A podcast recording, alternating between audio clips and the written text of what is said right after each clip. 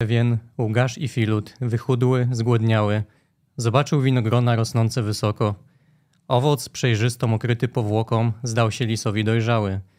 Więc rad z uczty wytężył swoją chudą postać. Skoczył, sięgnął, lecz nie mógł do jagód się dostać. W prędce przeto zaniechał daremnych podskoków i rzekł: Kwaśne, zielone, dobre dla żagłoków. Dzień dobry. Dzień dobry, dzień dobry, witamy, witamy. wszystkich. Witamy, witamy. Stream filozoficzny dzisiaj, jak niektórzy słyszeli albo nie słyszeli. Tematem jest resentyment. Tak. Witaj, e, Michale. Witaj Filipie, witam e, wszystkich oglądających, słuchających. E, Zaczęliśmy sobie od e, adaptacji e, Fontaina bajki o lisie i winogronach, klasycznej bajki, jednej z bajek e, Ezopa. I jest to taki przykład właśnie mm, resentymentu, a może nawet nie, nie do końca resentymentu, jak się później może okaże, ale Nietzsche się na, to, na ten przykład powoływał często się właśnie do niego odwołuje w tym kontekście jako taki bardzo obrazkowy, e, że lis, który chciał coś osiągnąć e, w obliczu własnej niemożności, postanowił jakby stwierdzić, że, że w sumie to nie było nawet tego warte. No ale no, o tym sobie jeszcze wszystko opowiemy, e, rozwiniemy całą tą koncepcję, mam nadzieję. Nie będziemy też tylko może tak filozoficznie stricte gadać o tym, ale poszukać jakichś przykładów e, współczesnych tego resentymentu i może, może uda nam się o jakieś rozwiązania nawet zahaczyć. Tak, no, z rozwiązaniami czasami bywa ciężko. Resentyment to jest takie pojęcie, które często przedstawiane jest w historii. Ja w ogóle znalazłem ogrom po prostu prac historycznych na temat resentymentu. Znalazłem też różne sposoby używania tego resentymentu. Co jest zabawne, że e, jak czytałem e, o resentymencie, to spotykałem się z tym, że jedni autorzy, którzy piszą o resentymencie, o resentymencie, zarzucają innym autorom, którzy piszą o resentymencie, że przejawiają resentyment względem innych osób, e, a później sami jeszcze popadają w resentyment, więc Aha, tutaj trzeba być świetnie. ostrożnym, żeby myśmy, Tak. żebyśmy nie popadli dzisiaj w resentyment, mówiąc o Tak, resentymencie. znaczy to jest w ogóle takie pojęcie, ja już tutaj właśnie trzeba na początku samym e, wszystkich tak uczulić i później trzeba to będzie jeszcze powtórzyć, bo jeszcze nie wiemy, co to jest resentyment do końca, że to jest takie pojęcie, gdzie na początku można popaść w taką trochę euforię, że wszędzie teraz widzimy resentyment, u każdego możemy zdiagnozować resentyment e, i no i może, można popaść taki, taki bezsens tego pojęcia, że zaczyna się wszędzie stosować po prostu. Ja właśnie też tak miałem na początku, że zacząłem wszędzie to widzieć, ale po jakimś czasie już tak stwierdziłem, że nie, no to jest bez sensu przecież. Jakbym miał wszędzie ten resentyment widzieć. Tak, y, powiem, że to był taki nasz też wewnętrzny inside joke z Michałem, jak my sobie coś żartowaliśmy, że ja nie chcę czegoś robić, bo to jest kwaśne po prostu.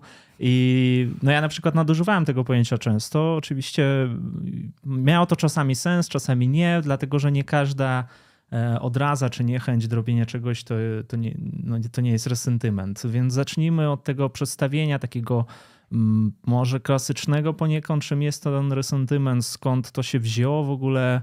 No mamy tą cząsteczkę re, to jest jakieś powtarzające się coś, odtwarzanie Tak. jakiejś emocji. No trzeba powiedzieć, że właśnie to nie jest resentyment w sensie, że e, jakiś ponowny sentyment, Tak. że jakby jest ten element tam powtarzania się, ale to nie ma wiele wspólnego z tym sentymentem, tak? Tak, y, no pojęcie pojawiło się u Kierkegaarda albo Kierkegaarda, jak to woli. I Nietzsche go przyjął e, w, w swojej filozofii, to znaczy zinterpretował go i powiedzmy stworzył taką pewną koncepcję, która e, miała pokazywać w genealogii moralności, to jest jedna z jego kluczowych prac, w jaki sposób powstaje moral, chrześcijańska moralność. E, Natomiast mamy drugiego myśliciela, który rozwinął tą koncepcję i my będziemy głównie dzisiaj e, zasadzali się na jego pracę. Jak mówimy o resentymencie, to przez to rozumiemy resentyment w, tym znaczeniu, w, w którym używa go Scheller. Tak, tutaj Max jest Scheller. druga wersja tej książki. Tak. Nie, dajcie się, nie dajcie się naciąć tak jak Filip, który myślał, że to jest inna książka Schellera o resentymencie. Ja myślę, o fajna, druga książka o resentymencie. Nie wiedziałem, że dwie napisał. Tak, się okazało, że to jest ta sama, tylko postanowili zmienić tytuł. I, I wydali ponownie. Tak, no tam treściowo jest trochę chyba ten język współcześniony. Widzieliśmy, że tam się ciut różni, ale esencja jest ta sama. Tak. I, no i może tak zacznijmy od tego, co to jest takiego w ogóle, czy rzeczywiście na przykład Nietzsche mówi, że resentyment e, jest właściwy dla chrześcijan, że moralność chrześcijańska pojawiła się e, na podstawie resentymentu, na podstawie jakiejś odrazy do wartości powiedzmy cielesnych. No tam dużo pisze o resentymencie kapłanów, a Scheller broni chrześcijaństwa i mówi, że że właśnie nie, że na odwrót, że wartości chrześcijańskie akurat nie są, powie, powiedzmy, nie, nie powstały z resentymentu. No, oczywiście mówi, że jest tam właściwy resentyment temu chrześcijaństwu, no ale właściwie mamy hierarchię wartości, do której, e, która jest zaprzeczeniem tak naprawdę resentymentu, więc chrześcijanizm będzie akurat przeciwstawiał, e, to znaczy chrześcijaństwo będzie przeciwstawiał resentymentowi, ale Znów my nie chcemy tutaj wchodzić w ten spór jakoś głębiej, bo nas interesuje to pojęcie i zastosowanie tego pojęcia do, mm, do współczesności po prostu. Zresztą mhm. ten stream myślę, że umieszczę go w tej playliście wokół współczesności, bo tam się pojawiła taka playlista u nas. Zob- zobaczymy, jak, jak rozmowa pójdzie, ile tak. będzie współczesności, czy się nada. Tak, tak. tak. E, natomiast w kwestii tego chrześcijaństwa ja bym jeszcze tak dodał, że. Mm, oni mają jeden taki, czy nawet dwa wspólne człony tej e, krytyki wymierzonej w chrześcijaństwo. To jest to, że e, i Nietzsche i Scheller jakby dopatrują się tego resentymentu e, w narodzie żydowskim, powiedzmy w tych mm, jeszcze tam, że chrześci- dla, ni- dla niczego chrześcijaństwo jest jakby kontynuacją tego resentymentu żydowskiego.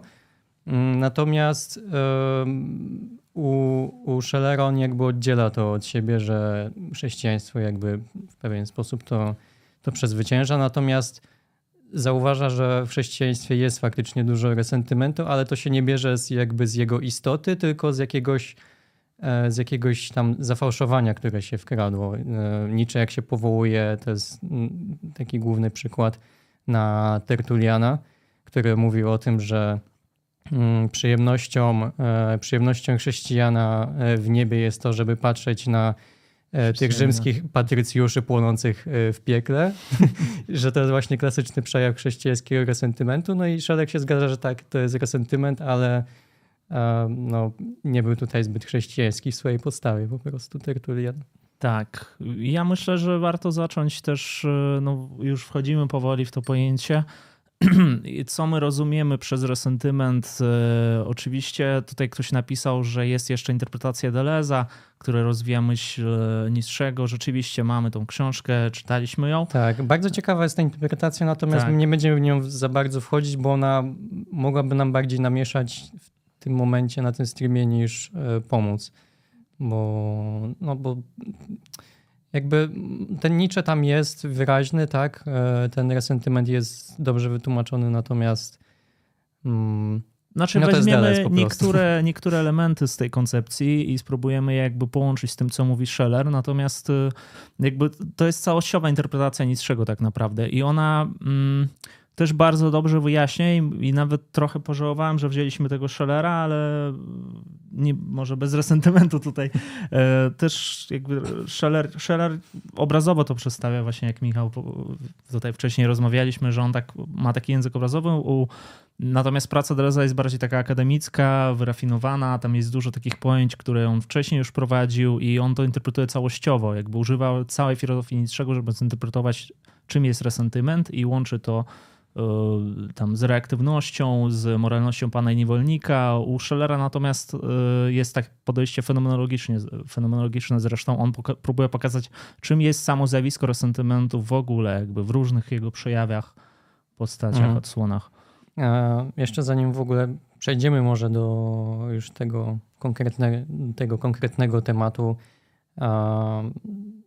to podobno właśnie Nietzsche w kwestii samego tego zagadnienia miał się też e, Dostojewskim właśnie inspirować, że on przeczytał e, notatki e, z podziemia. Nie wiem, czy ty to czytałeś, czy jesteś w stanie jakby powiedzieć, czemu on się tym tak zainspirował w tym temacie, bo ja nie czytałem, więc... Znaczy nie wiem, jaka jest, jakie są powiązania konkretne Nictrzego z Dostojewskim, dlatego że to jest temat, który jest oczywiście rozwijany, ale jakoś nie, nie, nie przejrzałem się znaczy, temu ja bardziej. wiem, że jest tam ta główna postać tego y, urzędnika, tak? tak. Y, I że y, właśnie cze, cze, Notatki z podziemia tam... 8 lat temu czytałem. E, no to mogę powiedzieć, że tak, jest tam taka postać i faktycznie jest tam bardzo dobrze zobrazowany resentyment, ale wtedy nie wiedziałem, że to jest resentyment. Mhm. Obrażony na cały świat urzędnik siedzi w, zamknięty jakby i sobie myśli, wyobraża, jest niezadowolony ze wszystkiego, co go otacza.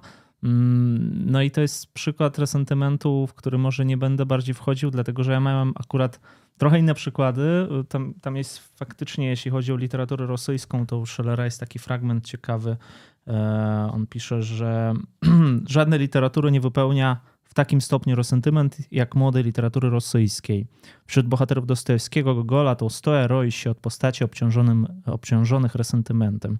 Jest to skutek wielowiekowego uciskania narodu przez autorytarną władzę, a także spowodowanej brakiem parlamentu i wolności prasy, niemożliwości rozładowania, e, rozładowania rozbudowanych przez tę władzę afektów. I to właściwie do dzisiaj nic się nie zmieniło chyba w tej, w tej kwestii, mhm. e, zwłaszcza jeśli chodzi o parlament, władzę i tak dalej. Mhm. Wojna jest szczególnym potwierdzeniem tego. Natomiast młoda rosyjska literatura, to co on tam pisze, to jest ciekawe. Pierwszy autor to jest Gogol, którego on tam wymienia i faktycznie u Gogola i w Martwych Duszach i w, e, w tym, to się nazywa Płaszcz po rosyjsku, po polsku to jest, Boże, zapomniałem ta nazwa powieści jego takiej znanej, tam gdzie mamy jednego urzędnika, Akakia Akakiewicza, nie, Kamaszkina, Kamaszkina, przepraszam. I ten Kamaszkin e, kupuje sobie płaszcz, e, jest szczęśliwy i on długo zbiera pieniądze na ten płaszcz, kupuje, jest szczęśliwy, później ten płaszcz traci, ktoś mu go kradnie albo zabierają, już nie pamiętam dokładniej.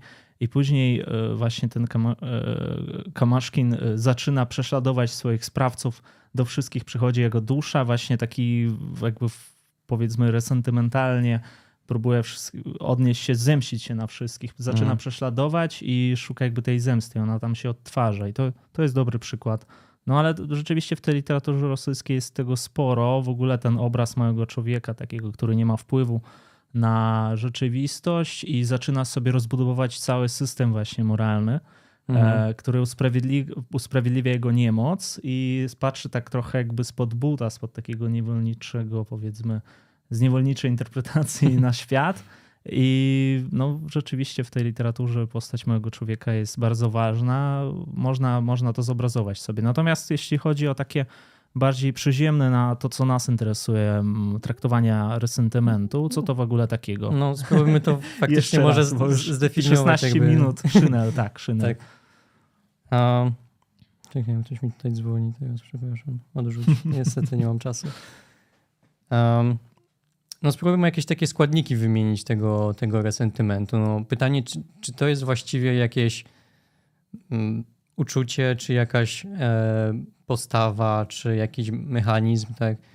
Um, no, e, Scheller nazywa to, e, tak jak było zresztą e, tytuł streama. Nie wiem, czy go tak nazwałeś w końcu, czy nie. Nazwałem. Tak. Przypomnij mi, wyleciało mi drugie słowo teraz. Super, to my już nie pamiętamy jaki stream. E, samozatrucie było, a resentyment duchowe samozatrucie. No właśnie. Nie, tak. ucie... słowo duchowe mi uciekło z jakiegoś tak. powodu. Duchowe samozatrucie. Więc e, ono będzie wynikać z jakichś z jakichś emocji negatywnych, które w nas uderzają w pewien sposób i my nie możemy w żaden, w żaden sposób na nie za, zareagować. Jak mamy jakąś um, chęć zemsty na przykład. I no, mówi coś takiego, że na przykład jeżeli ty byś mnie teraz uderzył, ja bym ci oddał, że to nie będzie w zasadzie zemsta, bo ja to po prostu zrobię tak dość odruchowo pod wpływem właśnie e, jakiejś e, chęci odpowiedzi, że Prawdziwa zemsta się zaczyna wtedy, kiedy ja nie odpowiadam w tym momencie, tylko odkładam tą zemstę na później, że zaczynam planować, że to nie jest teraz dobry moment, zaczynam e, snuć dopiero tą zemstę, to co my nazywamy taką, e, taką gdzie zimną, tak, na, na chłodną zemstą, to, to będzie ta zemsta właściwa dla Schellera. I to, to, co się rodzi jakby pomiędzy tym twoim uderzeniem, a tym, tą faktyczną zemstą, to jest właśnie to pole, gdzie może się resentyment zacząć rodzić. Że ja poczułem w tym momencie, kiedy nie mogłem ci odpowiedzieć, bo na przykład uznałem, że nie wiem, jesteś dla mnie za silny, nie będę ci odpowiadał. E, poczułem jakąś niemoc w sobie, poczułem e, Właśnie ten kod z bananem na, na, na miniaturce. nie wiem, czy nie może go otworzyć, czy nie lubi. po prostu stwierdził, że nie, nie fajny ten banan. Tak. Dobrze. Tak. Czy tak jak no, mamy w przypadku tego lisa, że on chce, chce czegoś, tak? E, I nie może, tego, nie może tego dosięgnąć, nie może tego osiągnąć, jest to poza jego zasięgiem, odczuwa jakąś, e, odczuwa jakąś niemoc i teraz pytanie, co z tą niemocą się robi, bo ona uderza w nasze ego, tak? I, I te ego może w jakiś sposób sobie spróbować z tym poradzić. Może sobie jakoś to zracjonalizować na przykład. E, może spróbować stwierdzić, że w sumie to mi nie zależy na tym tak naprawdę, albo że no trudno bywa i tyle. I jakby iść dalej ze swoim życiem. Jest tutaj wiele możliwych odpowiedzi i resentyment będzie tym, to będzie w zasadzie, można powiedzieć, taka najgorsza z możliwych e, odpowiedzi na, na ten stan niemocy, która się dopiero w człowieku będzie rozwijać. Czy, czy w no tym tak, lisie. bo w tej interpretacji to jest też ważne chyba, my nie powiedzieliśmy tutaj o tym, e, Scheller to też nazywa jednostką przeżyciową albo jednostką działaniową. To jest mm, to jest takie pojęcie, które on, on rozwija, on no, ze swojej fenomenologii bierze, natomiast e, no ja na przykład skłaniam się do tego, żeby nazywać resentyment pewnym systemem wartości. Niektórzy zamiennie jakoś tak nazywają resentyment e, emocją i to ma też swoje podstawy, ale resentyment nie jest emocją, bo jest pojęciem szerszym, to trzeba od razu zauważyć, dlatego że jest systemem, który jakby odtwarza tą samą emocję, powtarza ją.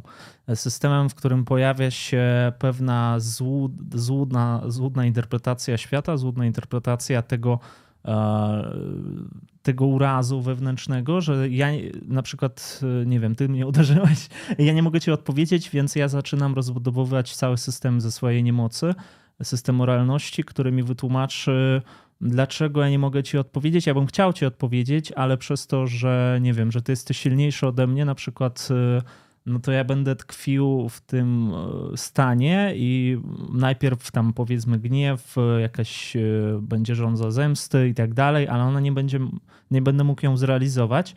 I w tym momencie jakby przez swoją niemoc e, ja zacznę się skupiać na tym, zacznę interpretować, tworzyć sobie jakby to jest też ciekawy moment, że resentyment, samo wytworzenie resentymentu porzuca tak naprawdę przedmiot zemsty że on jakby on, on się tworzy osobno, nie na tym przedmiocie, tylko przedmiot jest tylko jedną pobudką, czy ta rzecz jest pobudką, do, czy okazją do stworzenia takiego stanowiska resentymentalnego.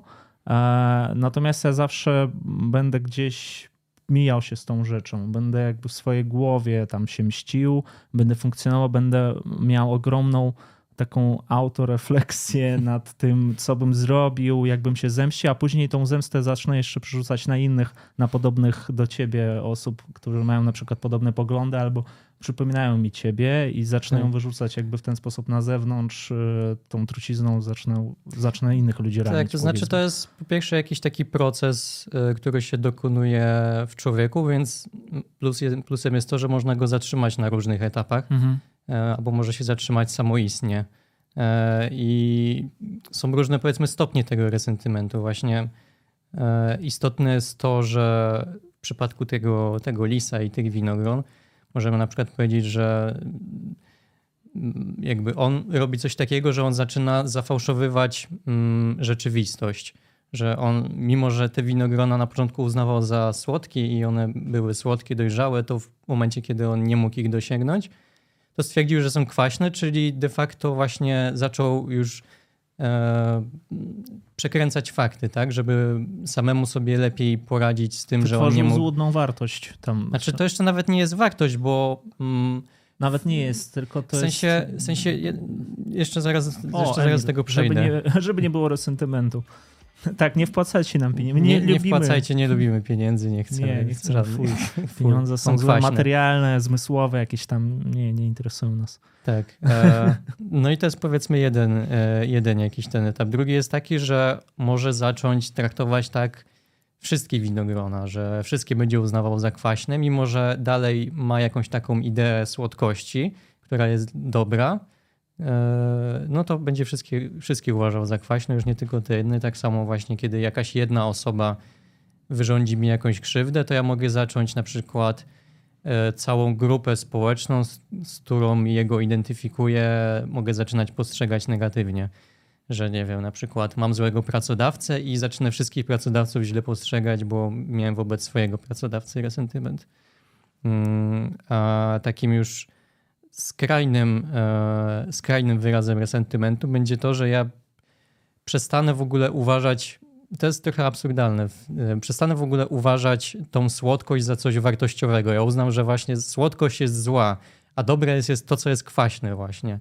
I w tym sensie mm, jakby odrzucam, jest takie, następuje takie odwrócenie wartości, że to, co, to, co jest z, powiedzmy z natury w uproszczeniu dobre, zaczynamy uważać za coś złego, a to, co jest złe, zaczynamy uważać za coś dobrego. I na przykład, jeżeli uznamy, że e, no, bycie silnym jest no, raczej dobre, dob lepiej jest być silnym niż słabym, tak? W sensie na przykład fizycznie powiedzmy, że dobrze jest mieć siłę fizyczną, tak? I e, dajmy na to, mogę podać taki przykład e, od siebie, że byłem przez wiele lat e, aktywnym uczestnikiem różnych e, siłowni Mhm. i za każdym razem to porzucałem w, tej, w, takiej, w takiej konstatacji, że no kurde, nie, ten, nie mam warunków do tego za bardzo, że muszę tyle jeść, nie umiem przytyć, nie mam, szybko mi się te postępy gdzieś tam hamują.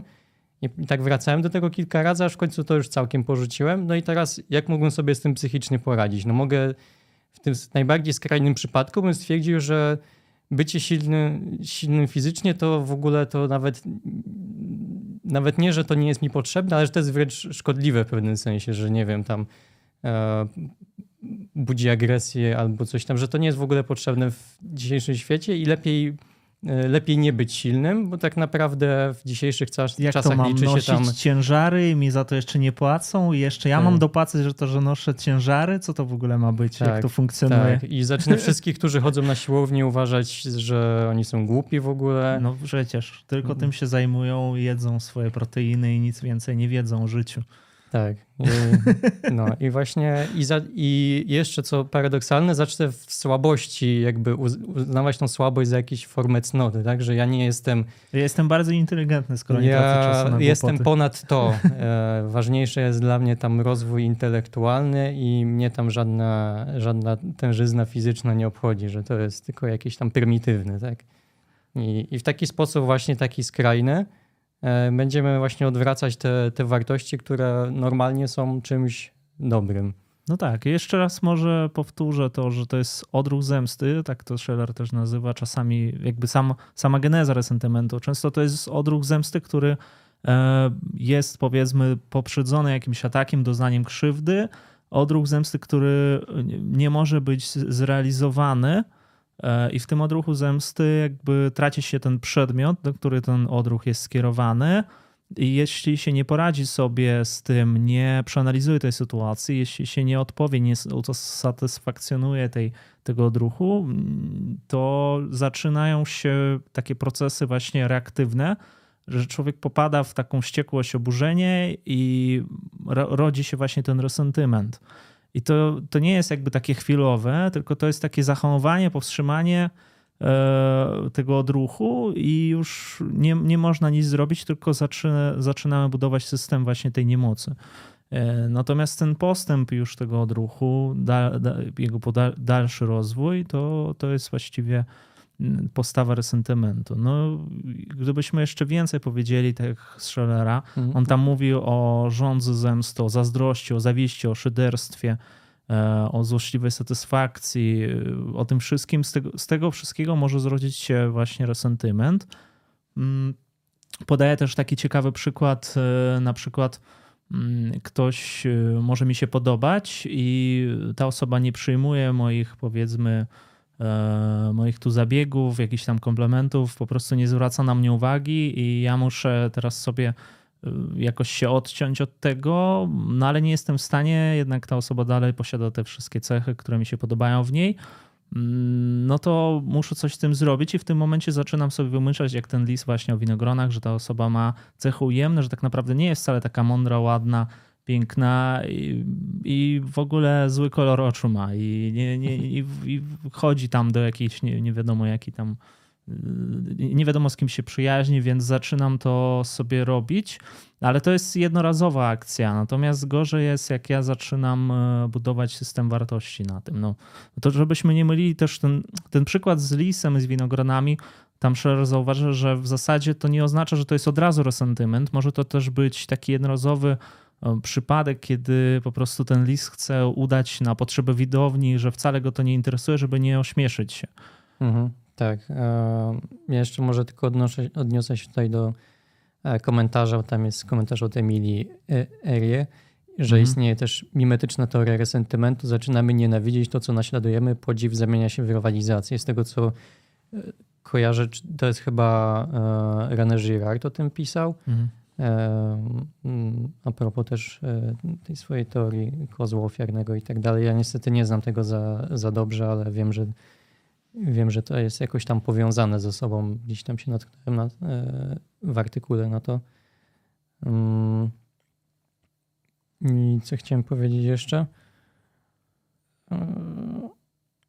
Znaczy to, to jest ten sam mechanizm. Ja też jak już mówimy o kozłach ofiarnych, o takich różnych rzeczach, to znalazłem taką pracę, a zacząłem stream od tego, że jest sporo różnych artykułów, książek na temat resentymentu.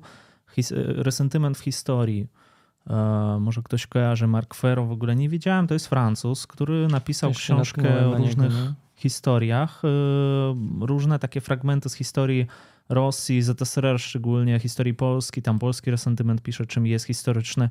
No ale też e, te wszystkie takie prace o resentymencie w historii one jakby pokazują ten mechanizm e, zawsze w jakimś, e, no na przykład w, jaki tam polski resentyment on wymienia, że Polacy tam trzy, cztery razy obronili Europę, by, byli, e, ten rozbiory były państwa, że nikt jakby nie, nie, docenił, nie tego. docenił tego i zostali sami ze sobą, więc jakby mają podstawę ku resentymentowi. On oczywiście nie pisze od razu, że tak wszyscy tam Polacy mają taki resentyment, ale wytwarzają, powiedzmy, jest sytuacja, w której jest możliwy resentyment języka, mhm. językiem właśnie Schillera tutaj mówię. No pisze też o Rosji ciekawe, tam o Leninie na przykład, że Leninowi tam brata powiesili, e, jak on miał 10 lat i on później postanowił, że on się zemści no i faktycznie się zemścił trochę. Mhm. Zły gniew, resentyment manifestowali, tak, no to tutaj dobra. To, to jest też e, fajny komentarz, to jest. brzmi jak wyjęty z książki, więc może nawet był e, od Adny Łyczewskiej, że paradoksalnie ten, kto natychmiast wyładowuje złe emocje, na przykład morderca, nie ulegnie żadnym resentymentom. To jest faktycznie to, co sam Scheller zresztą pisał, że przestępcy są najmniej narażeni na resentyment, bo oni się nie hamują, po prostu odpowiadają, e, odpowiadają na te swoje jakieś mm, negatywne emocje w zasadzie natychmiastowo. Tak, i on też mówi o żołnierzach, że podobnie jest z żołnierzami, że nie są podatni na resentyment, ale z przestępcami tam jest jeszcze wyjątek jeden. Mówi, że przestępcy tak, oni nie są podatni na resentyment, o ile ta chęć zemsty ona jest czysta, po prostu oni dokonują zbrodni dla zbrodni, a jeśli powiedzmy chcą osiągnąć jakieś korzyści, to już jest co innego. Jakby to, to mhm. już rzeczywiście tam też no, przestępcą może być y, y, tak, ten osoba, która chce okra okraść kogoś, no to już ze względu na korzyści to nie jest resentyment w zasadzie. To jest jakieś coś innego. Tak, mm. e, no tak jak wymieniliśmy właśnie tę e, zawiść, zazdrość, e, szyderstwo i, i zemstę, to Scheller zauważa, że to nie jest samo w sobie, no nie chcę powiedzieć, że złe, ale że to jest, to są pewne naturalne odruchy, które mamy, tak, że nie, to nie jest jeszcze nic takiego, że one się pojawiają, że to po prostu jest częścią jakiejś powiedzmy natury ludzkiej i, i tyle, a że resentyment właśnie tym się różni od tego, że on już jest czymś nienaturalnym, coś co dopiero tworzy właśnie wypaczenie tej naszej natury i to, i to gdzieś tam odróżnia to od takich negatywnych różnych e, emocji. Tak, no jednak ja, ja wrócę też do tego, od czego chciałem zaczynać poniekąd e, od systemu wartości resentymentalnych. Co wytwarza taki system e, złudnych wartości, który jest oparty właśnie na tych kwaśnych winogronach, na negacji czegoś. No i on mówi, że wytwarza różne takie postawy, które mogą rodzić krytykę, i ta krytyka, ona nigdy nie jest skierowana na rzecz samą, tylko jakby próbuje znaleźć jakieś wyjątki z tej rzeczy i na nich się głównie skupia. Yy, I ta krytyka, ona jest taka negująca, nie, nie, jest, nie jest krytyczna, odnosi się do czegoś innego i to jest taka krytyka na zasadzie, to jest częste też, yy, nie wiem, czy zderzyłeś się z czymś takim, że no dobra, ten autor jest, yy, on w ogóle, on tam, nie wiem, bił dzieci, czy coś jeszcze robił, e, znajdujemy jakby u niego, o, na przykład Kant był rasistą, no to teraz nie będę czytał Kanta. Mhm. E, albo jakiś tam inny klasyczny powiedzmy ten, no to on był no, w taki sensie, no, zły. No, taki ad hominem po prostu. Tak i na podstawie tego ja jakby decyduję o tych wszystkich dziełach. Oczywiście nie możemy tego no, zanegować, no ale to jest postawa resentymentalna, bo ja szukam jakiejś takiej usterki, jakiegoś takiego mm, złego zachowania u tego czy innego klasyka, żeby po prostu odrzucić jego na zasadzie takiej po prostu, no nie podoba mi się, a tak naprawdę ja, ja znajduję uzasadnienie Tak, bo i, i, później na przykład, później to się przeradza, nie wiem, w, w nienawiść do do całego jakiegoś ruchu filozoficznego, albo popadamy w jakieś takie, a nie lubię postmodernizmu i tam po prostu wrzucam wszystko, co o, mi się tak, nie podoba. To jest, to jest taki klasyczny przykład e, resentymentu. No można, e, można to jakby w obie strony pociągnąć, że nie wiem, tam jakiś hejt na nie wiem, ktoś nie lubi świętego Tomasza, na przykład później cała filozofia średniowiecznej y, y, neguje, że to w ogóle nie ma żadnej wartości, później, że w ogóle średniowiecze nic nie wytworzyło i tak dalej, i tak dalej. Tak. Mamy też kolejną postawę, która powstaje na, na tym systemie wartości. Jest to postawa romantyczna. E, tak to Scheller opisuje. No i jest to, znamy tego słynnego Janusza z memów, który mówi, kiedyś to było, nie to co teraz I to jest takie właśnie filozofia dla Januszy chyba. Tam Romantyczny taki, Janusz. Tak. napisał taki tekst, że to jest filozoficzna teoria bólu dupy, resentyment. No, może tak bym to nie upraszczał, ale rzeczywiście ma to trochę prawdy w sobie, dlatego że ten Janusz słynny no i z tym pysznym boczkiem on, on się zachwyca w zasadzie jakimś takim, tak trochę nostalgii, trochę, no na przykład, nie wiem, taki, znaczy nie chcę tutaj porównań, ale niech będzie Homo Sovieticus, który też tęskni trochę za byłym stanem, za, za byłą wielkością e, Związku Radzieckiego. Wszystkie republiki były razem, było pięknie. No i dobra, e, co ta postawa romantyczna też oznacza? Jakby, no, w pewnym sensie jest to też boomerów można zaliczyć do tego. Ta postawa romantyczna to jest takie tęsknota za byłymi wartościami, które kiedyś były aktualne, natomiast y, ona powstaje nie dlatego, że te wartości są takie piękne i cudowne, tylko z samej negacji jakby tego obecnego stanu. My negujemy naszą epokę, zachwycamy się inną epoką, a nie dlatego, nie dlatego, że tamta epoka jest najlepsza, taka cudowna i w ogóle dużo można się od niej nauczyć, tylko dlatego, że tamta nasza obecna no powiedzmy nie zrealizowaliśmy siebie w tym świecie, więc kiedyś hmm. było lepiej, dlatego że nie trzeba było tam za dużo pracować.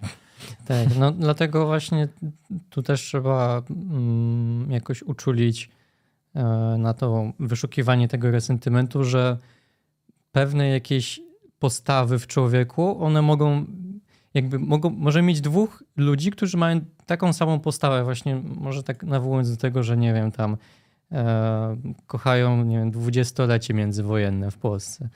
I jed, jeden człowiek może, jego postawa może wynikać z takiej, e, takiej admiracji, powiedzmy, tej, tej, tej epoki po prostu, a dru drugiego może wynikać z resentymentu, że wszystko, co się działo po wojnie i to, jak wygląda rzeczywistość teraz, jest okropne i on będzie właśnie tak nostalgicznie uciekał do jakiegoś wybranego momentu w przeszłości, tylko z tej nienawiści do, do tego, co jest teraz albo co, co, co to poprzedzało. Tak.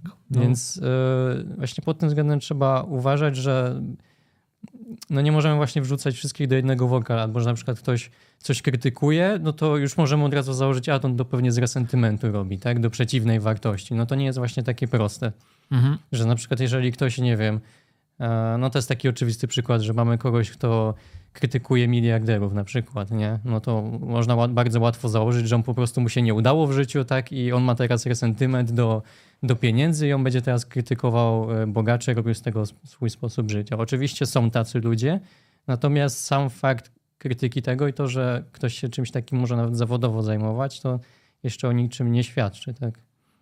Tak, no, no tutaj warunki społeczne i, i tutaj więcej jakby powsta- po, pojawia się zmiennych, y, które też trzeba pamiętać o tym. Natomiast rzeczywiście można by było tak powiedzieć, że to kto mówi, no krytykuje Bogatek, że to wynika z jego po prostu nieumiejętności, że on sobie nie może poradzić w życiu i tak dalej, więc problemem jest czasami określenie rzeczy, tych rzeczy, które rzeczy, czy tej postawy, która rzeczywiście wynika z resentymentu.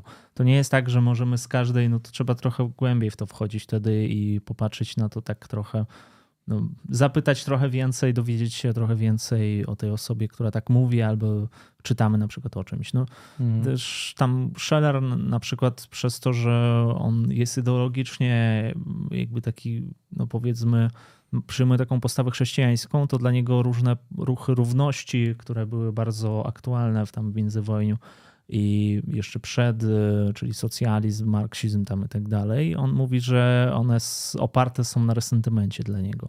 No i on tego tak wprost nie mówi, ale tam to jest takie wnioski to znaczy, trochę pojawiają to się. się to się tak. wszystko łączy, no bo z założenia i, i właśnie u Schellera mamy jakby tą, on przyjmuje obiektywną hierarchię wartości, tak, że tam są wartości tam duchowe są wyżej od jakichś witalnych i, i tak znaczy dalej. wyżej, ale one w, w, tam jest trochę tak, jakby można to interpretować jako piramidę Maslowa, że to nie porzucamy tych wartości tam witalnych, fizjologicznych. Tak, tylko że te niższe mają służyć tym wyższym tak, po tak, prostu. Tak, tak. U niczego też w pewnym sensie to jest, tylko że przez to, że on nie przyjmuje jakiejś hierarchii takiej obiektywnej wartości, jakiejś jednej moralności, tak?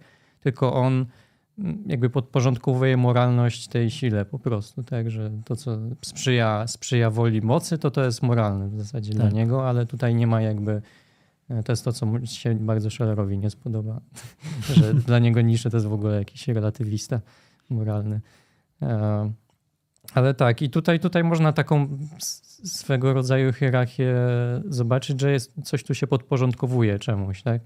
I nawet u właśnie u niczego mm, ma to wszystko podporządkowywać się temu, żeby mm, właśnie ta wola mocy została, czy nasze jakieś taka nie wiem, takie życie w nas po prostu ma, ma, ma wzrastać w pewnym sensie. Tak? Znaczy tak, no tak gdyby powiedzieć, mm, czy sprowadzić to na taki poziom praktyczny, to jest po prostu postawa, która nie, nie jest bierna, to jest postawa aktywna, postawa właśnie, gdzie zamiast tego, żeby y, narzekać na własne y, tam, no, może nie bierzmy tego przykładu z pieniędzmi, ale na przykład ja nie posiadam jakiegoś dobra i zaczynam rozbudowywać sobie system, który mi uzasadnia, dlaczego ja nie posiadam tego dobra, zamiast tego, żeby spróbować osiągnąć to dobro. No ale może tak mniej mm, idealistycznie brakuje mi jakiejś cechy. Ja nie, on tam mówi o kalekach, e, o kar, Boże, karłu, no może... Niskorosłych. Tak, niskorosłych. No tam, tak ten poprawnie. język też jest tam trochę archaiczny taki e, i przez to, że ja nie mam tej cechy, to ja e, zamiast tego, żeby spróbować to osiągnąć, żeby znaleźć inne pozytywne cechy, ja zaczynam uzasadniać, dlaczego ja nie mamy, dlaczego wszyscy ci, którzy mają tą cechę, są źli dla mnie. Zresztą tam przykład jest też z takim e, ptakiem drapieżnym i jagnięciem, tak? Że mhm. jagnięcie postrzega ptaka drapieżnego, który ma predyspozycję jakby do, do tego, że no on jest po prostu silniejszy, jest mocniejszy, większy, e, postrzega jako złego, jako właśnie takiego, jako samo zło wcielone a, mhm. i, i buduje na tym swoją etykę, zamiast tego, żeby spróbować samemu coś zrobić. No oczywiście nie może zaakceptować tego, że po prostu ten naturalnie jest lepiej jakby wyposażony. Tak. E, I to Szeret na to też, do tego też się odwołuje, żeby uzasadnić, e, kiedy mamy takie przypadki ludzi właśnie utalentowanych albo którzy mają lepsze warunki fizyczne. Już nawet nie mówię, że ktoś jest jakiś tam e, niepełnosprawny i tak dalej, ale powiedzmy wyjdziemy od tego przeciętnego poziomu i mamy ludzi, którzy są w czymś po prostu naturalnie lepsi, mają jakiś, jakiś talent do, e, do mówienia, cokolwiek. Wiadomo, że to wszystko trzeba rozwijać w sobie, ale ludzie mają też jakieś predyspozycje. I ten taki człowiek przeciętny może spojrzeć powiedzmy dwojako na, na, tego, na tego drugiego człowieka. Może sobie pomyśleć, że wow, ale ten człowiek e, jest inteligentny, ale jest, nie wiem, e, silny albo coś tam. I z takim trochę podziwem patrzeć, bo dostrzega w tym jakąś obiektywną wartość, także no fajnie, kiedy ludzie są inteligentni i coś z tym robią, tak, i można to docenić po prostu, nie mając jakby jakiejś, nie odczuwając jakiejś presji na sobie z tego powodu. A można podejść do tego z drugiej strony, że życie jest niesprawiedliwe, że czemu ten człowiek ma lepiej, czemu ja się nie urodziłem, nie wiem, wyższy, mądrzejszy, nie wiem, z lepszą pamięcią i tak dalej. I będę teraz, e, zacznę najpierw nienawidzić tej osoby za to, że ona, mm, ona się będzie stawać dla mnie jakimś takim miernikiem, tak? Że mógłbym być tym, gdybym wygrał nie wiem, w loterii genetycznej, ale nie wygrałem i teraz osoba, która jest lepsza ode mnie, będzie mi cały czas przypominała tym, że, że jestem po prostu gorszy od kogoś, tak? I, I mogę właśnie ten resentyment się może na tej bazie rozwijać, że ja zderzając się z ludźmi, którzy są lepsi ode mnie, ja będę się czuł gorszy. No właśnie to jest początek, bo w skutku, w skutku jakby budujesz swoją wartość na negacji innych tak naprawdę, tak, że ty nie to... chcesz się czuć gorszy, więc sprowadzasz ich do swojego poziomu, bo ten Kant, on tam był rasistą, a ja nie jestem, więc ja nawet całkiem... Jestem nawet lepszy od lepszy Kanta. Od Kanta. Tak. No proszę, no proste. Tak. Właśnie a propos tego, Scheller, e, on też wymienia taki podział na, na ludzi, którzy na tych, mm, jak oni mówią, dostojni, czy, mhm. czy jeszcze jakiegoś słowa używam? Powiedzmy, że dostojni, bo to jest takie archaiczne też nazewnictwo, na tych ludzi bardziej dostojnych i na ludzi e, przeciętnych, powiedzmy. Mhm.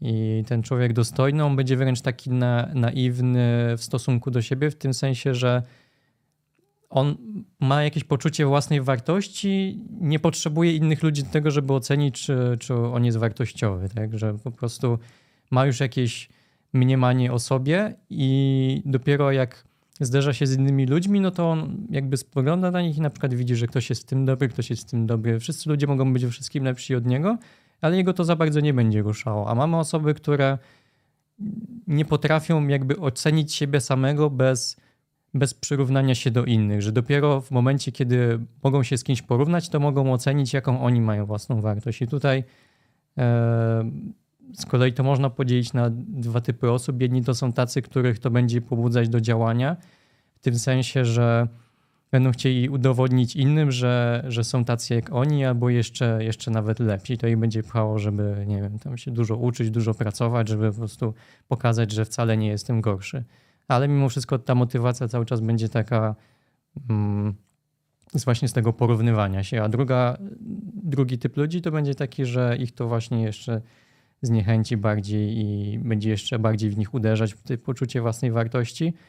I, I na tym polu się będzie rodzić ten sentyment, że oni zaczną, mm, zaczną odrzucać to co, to, co powinni pożądać, tak? Czyli właśnie, żeby tam, nie wiem, się edukować, żeby się rozwijać to. Znaczy, ja nie wiem, czy tam jest jakaś odrzucać. powinność, bo nawet nie chodzi o to, żeby pokazać, że są jedne rzeczy lepsze, a inne gorsze. To znaczy, powinność to... jest w tym sensie, że yy, jeżeli mamy osoby, które nie, nie potrafią zbudować poczucia własnej wartości bez porównywania się, mhm. to oni mają tylko przed sobą dwa wybory, tak naprawdę. Mogą albo, albo zbudować to poczucie, właśnie, żeby w, w tym, że się rozwiną albo się pogodzić z tym, że są gorsi i e, musieliby całkowicie zmienić postawę na taką bez porównywania się.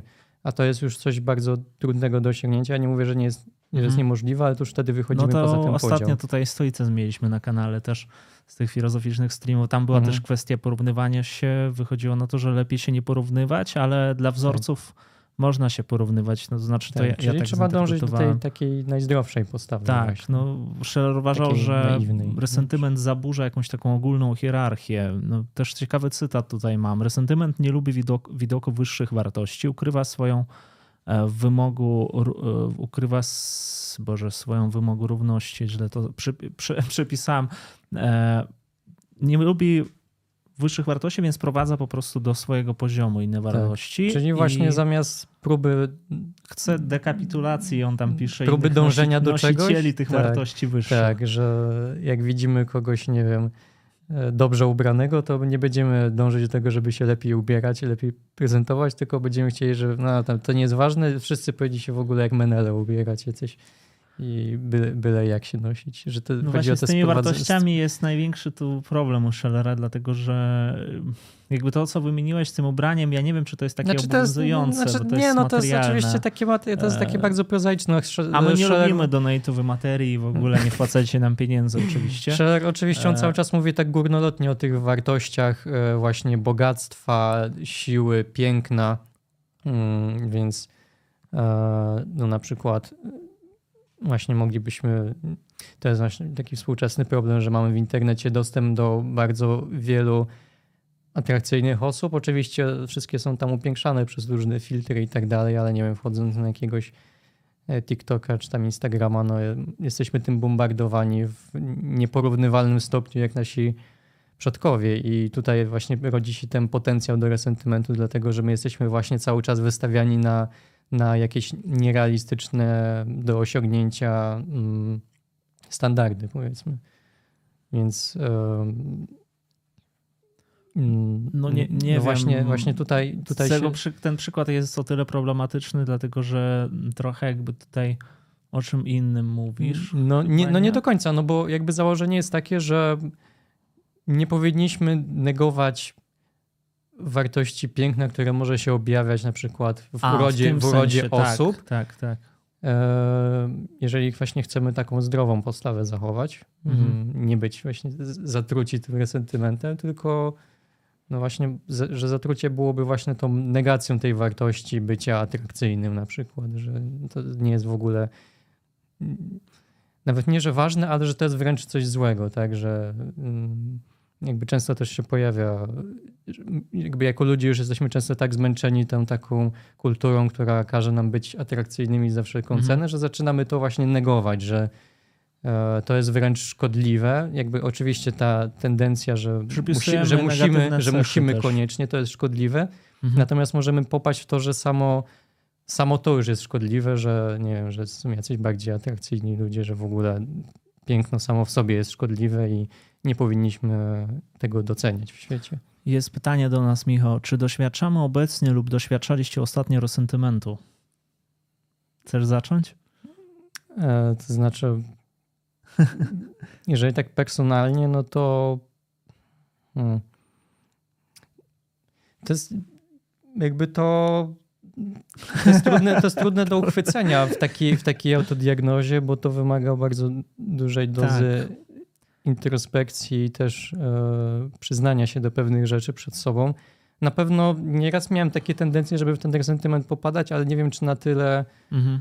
na tyle skrajny, żeby właśnie doszło do tego wręcz odwrócenia wartości. No nie wiem, na przykład e, ja zawsze narzekam na to, że mam taką beznadziejną pamięć i, i mnie już to zaczęło w pewnym momencie tak frustrować, że no, będąc na, na, na, studiach, czy, czy teraz też nawet przygotowując się do streamów i tak dalej, cały czas mnie uderza to, że nie jestem w stanie zapamiętać tyle, ile, ile chciałbym zapamiętać. Mhm.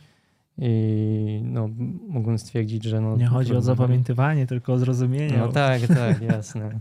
A o zrozumienie to się z czego bierze? z zrozumienia samo w sobie. No tak. No dobrze. No i no. taki mógłbym przy, podać przykład, że często mnie to uderza już.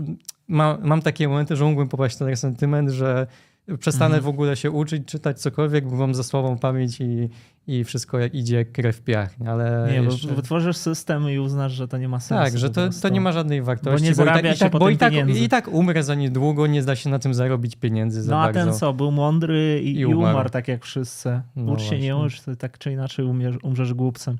Tak, że w ogóle edukacja jest przewartościowana.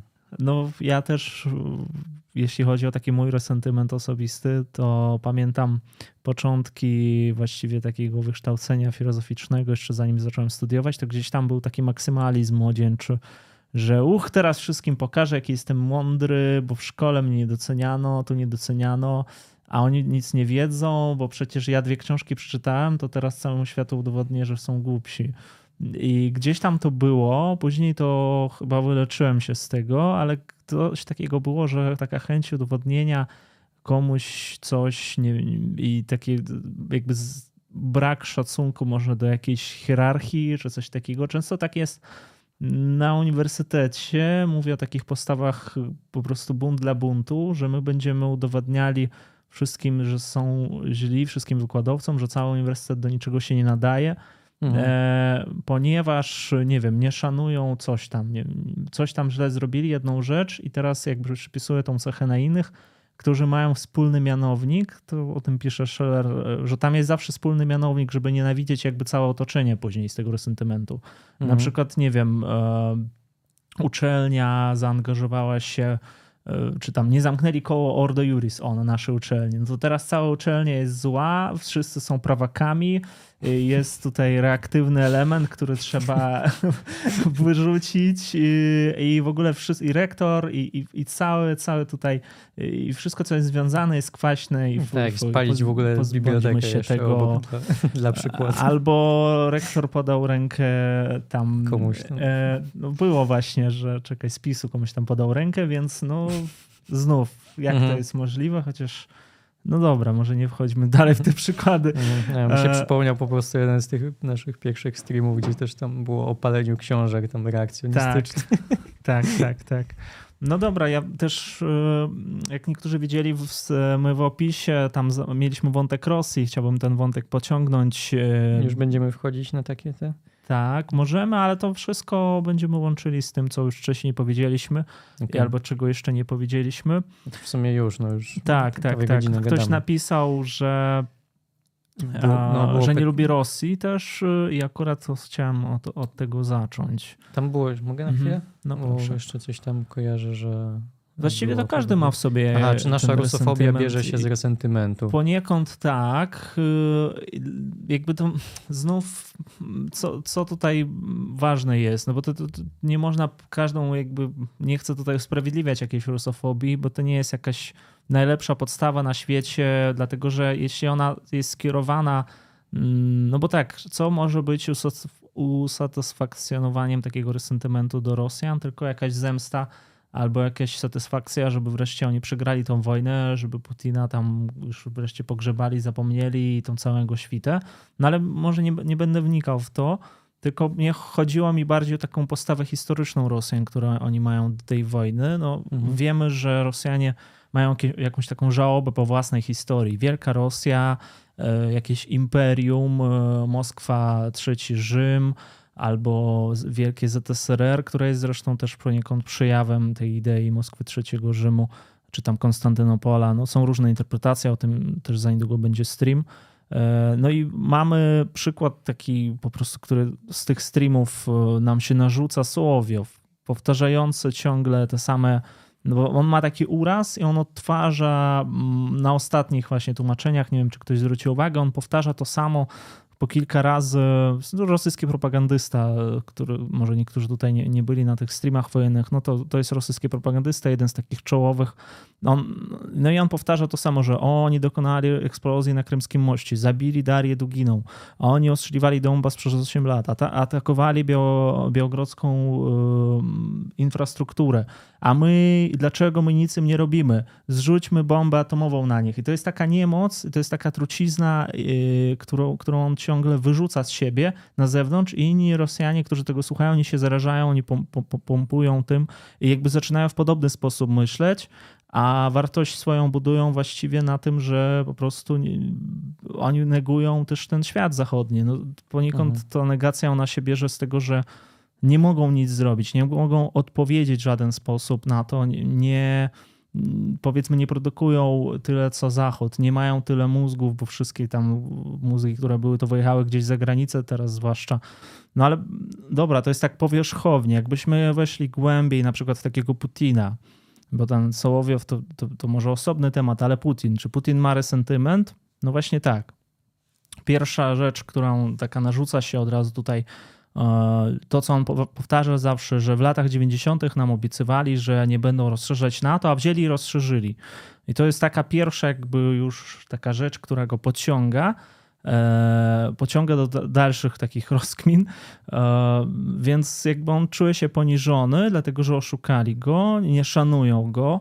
Później jest wystąpienie w Monachium, gdzie on będzie tam powiedział, że Zachód nas nie szanuje, Zachód nas zostawił e, tutaj, Zachód nas chce pouczać demokracji, ale sam nie jest demokratyczny, a my mamy w ogóle, później pojawiła się ich koncepcja demokracji suwerennej, którą oni tam rozszerzyli i ta demokracja suwerenna to jest też ciekawa rzecz, dlatego że w zasadzie demokracja suwerenna dla nich to jest e, rządzenie własnym państwem, żeby nikt w ogóle nie ingerował, żadna organizacja zagraniczna, e, żaden e, tam memoriał czy inna jakaś instytucja, która powiedzmy dostaje jakieś środki z zagranicy albo wewnątrz Rosji po prostu jest liberalna, ale nie w tym znaczeniu liberalnym, suwerennym rosyjskim, tylko w znaczeniu zachodnim. Jest już zła z zasady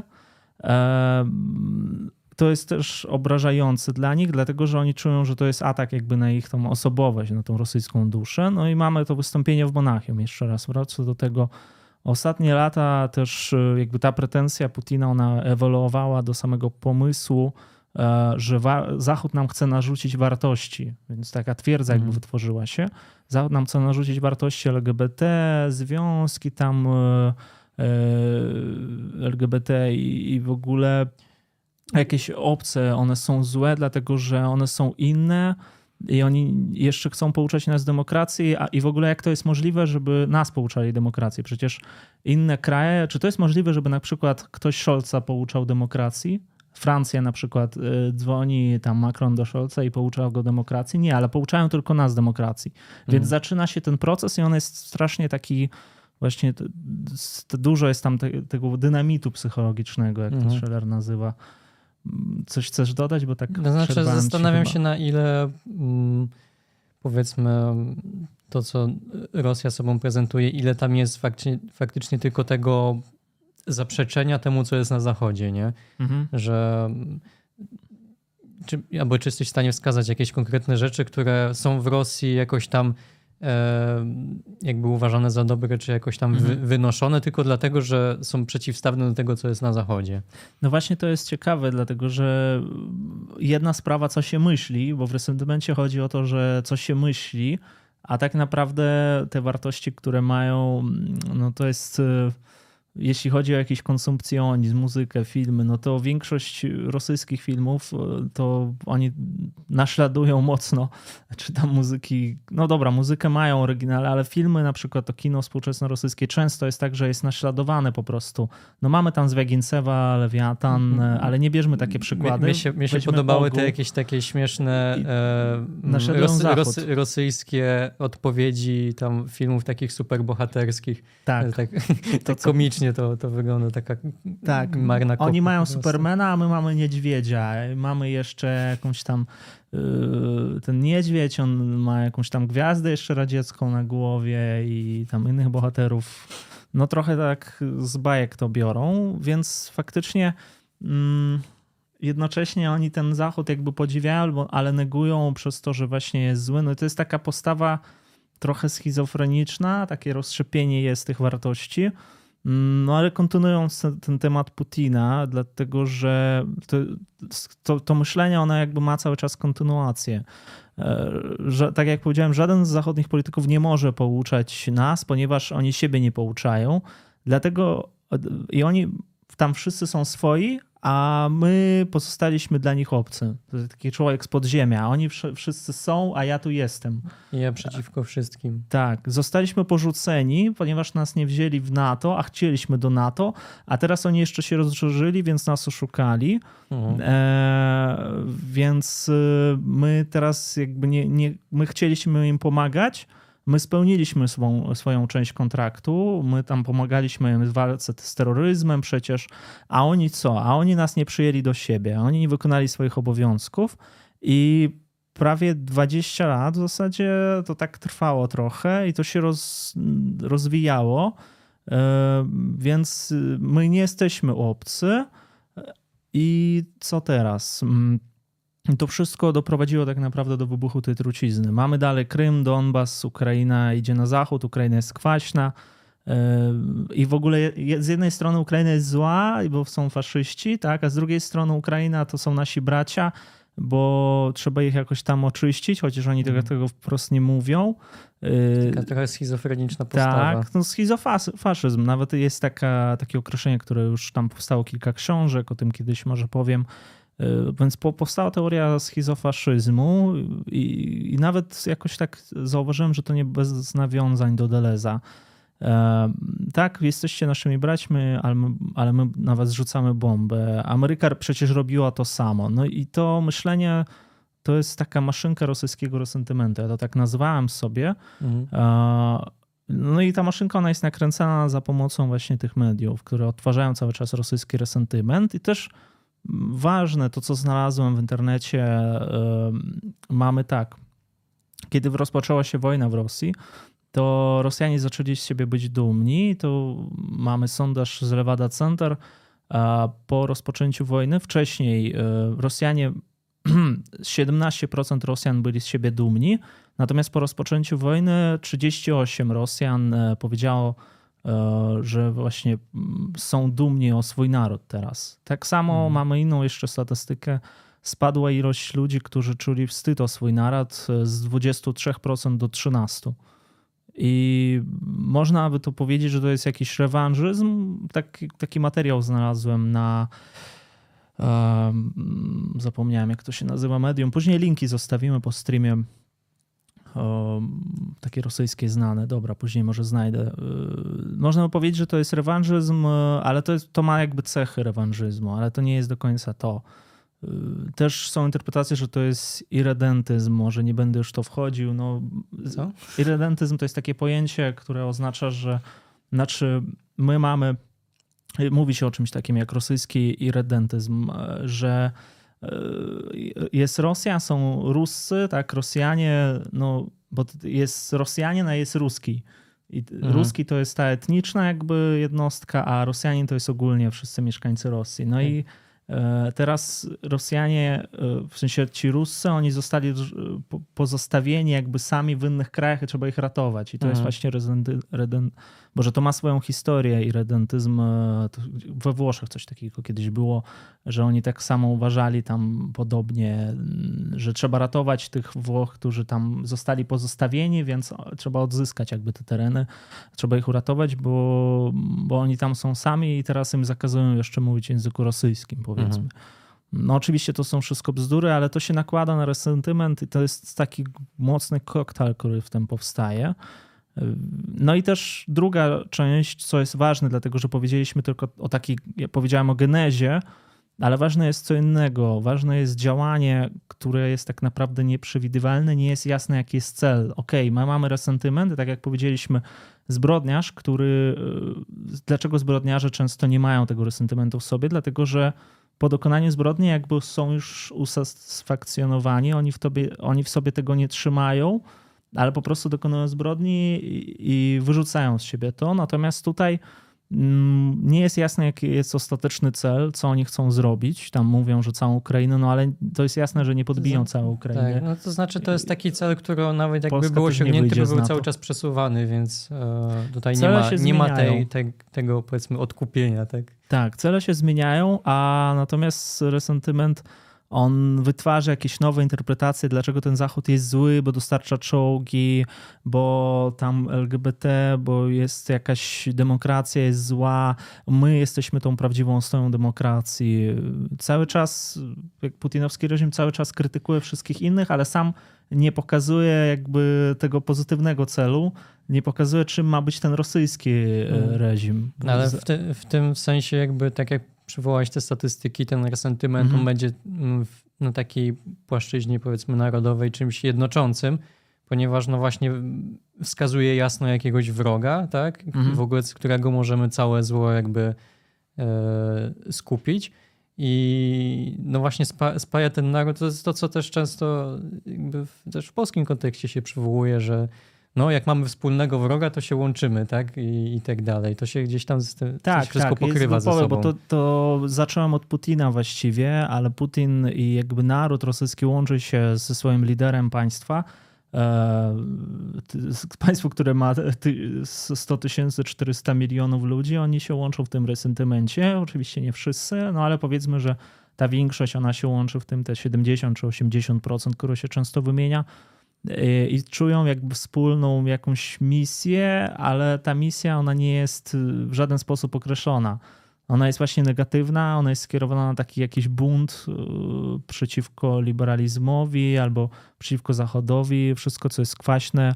My mamy, ma, po prostu jest złe, ale nie, nie, nie są jasne cele i pojawia się... Że nie, nie ma w tym żadnego programu pozytywnego i to też można na taką tak. mniejszą skalę też zauważyć, kiedy ludzie, nie wiem, w internecie na przykład, no internet to jest takie bardzo sprzyjające środowisko do e, rozsiewania powiedzmy tego resentymentu tak. i wzmacniania, no bo ludzie z podobnymi krzywdami powiedzmy, czy z podobnymi jakimiś takimi wewnętrznie hodowanymi resentymentami mogą się dobrać w jakąś grupę i wspólnie zacząć czegoś tam mm, wspólnie to pielęgnować, jakby tak, ten, ten tak, swój tak. resentyment, to jeszcze, to, jeszcze to bardziej umacniając, pogrążając się w tym. Reklamy jakieś tam, nie wiem, nauka języka ukraińskiego, czy tam coś dla Ukraińców i bardzo dużo jest tam troli albo po prostu ludzi, którzy nie są przyjaźni nastawieni do Ukraińców i zostawiają takie negatywne komentarze, a to się bierze właśnie z jakiegoś takiego resentymentu, bo, do, bo, bo dlaczego ja, bo oni wszyscy są, oni właśnie dostają tą pomoc, a ja tu przez 10 lat nie mogę nic osiągnąć. Kurczę, oni teraz przyjechali i od razu dostali e, tam, nie wiem, 500 plus, o Jezus. A oni od razu dostali pieniądze od państwa, a ja tu siedzę 20 lat i ja nic nie mogę tu zrobić. Mhm. Coś takiego jest w tym. No, no i resentyment szczególnie chyba w większości on, on, się, on łączy te grupy tak naprawdę, bo to, to jest częściej mówi się nawet o tym grupowym resentymencie niż o jakimś pojedynczym. Tak, że no właśnie tak jak, tak jak wspomniałem, on się właśnie przez to najlepiej, tak. y, najlepiej umacnia i też y, rozszerza. Y, ja bym chciał jeszcze tak dodać od siebie, że to może nie być do końca też jasne, że resentyment, o ile sam w sobie jest jakimś negatywnym takim zjawiskiem czy stanem, no właśnie ten, te, to samo, samo zatrucie, no no nie brzmi to za dobrze, tak? nie jako coś pożądanego. Natomiast to, co ten resentyment spowodowało, niekoniecznie jakby ten resentyment on może być, może być uzasadniony w, w różnych przypadkach, no bo... Zawsze jest uzasadniony. Znaczy, Tylko no, tak, w taki sposób w sensie, pokrętny. No. Tak, znaczy chodzi, chodzi mi po prostu o to, że fakt, że my jakiegoś resentymentu doświadczamy, on nie musi jeszcze wynikać koniecznie, to już może się będzie tutaj mijać z tymi różnymi interpretacjami, to jest mój, mój Boże, bardziej taki mhm. pogląd, że resentyment sam w sobie jeszcze nie do końca o, o, świadczy o tym, że na przykład, nie wiem, jesteśmy jacyś tam słabi, czy coś mhm. tam, czy że właśnie e, coś jest z nami, nie tak, że my w ten resentyment popadliśmy, no bo jakby ludzie no, różnych rzeczy doświadczamy po prostu, tak? Jeżeli ktoś doświadczył, tak, doświadcza jakieś powtarza- jeżeli ktoś, jeżeli, ktoś tak. doświadczał jakiejś powtarzającej się traumy, to nie jest jego wina, że, że, ktoś, mu tą trau- że ktoś mu tą traumę sprawiał, tak? Mhm. I, I w tym sensie, jeżeli on sobie ten resentyment wypracował, bo resentyment to jest też mm, w pewnym sensie taki wadliwy, wadliwy mechanizm obronny ego, tak bym powiedział, od takiej psychologicznej perspektywy, że my mamy jakieś my mamy, mamy powiedzmy te swoje ego, tak, które e, to, to też, też czerpię z jednego artykułu, który przeczytałem, tam później też będę dorzucał linki, nie jestem w stanie przywołać nazwy tego, mhm. że mamy to swoje ego, powiedzmy to ego ma jakoś tam swoją taką e, siłę bazową, nie? I kiedy napotykamy jakieś nieprzyjemne rzeczy w życiu, no to e, one nas mogą ranić, właśnie mogą wywołać w nas poczucie krzywdy, niższości, jakiejś porażki i tak dalej. I my możemy sobie poradzić różnymi mechanizmami takimi obronnymi czy kompensacyjnymi.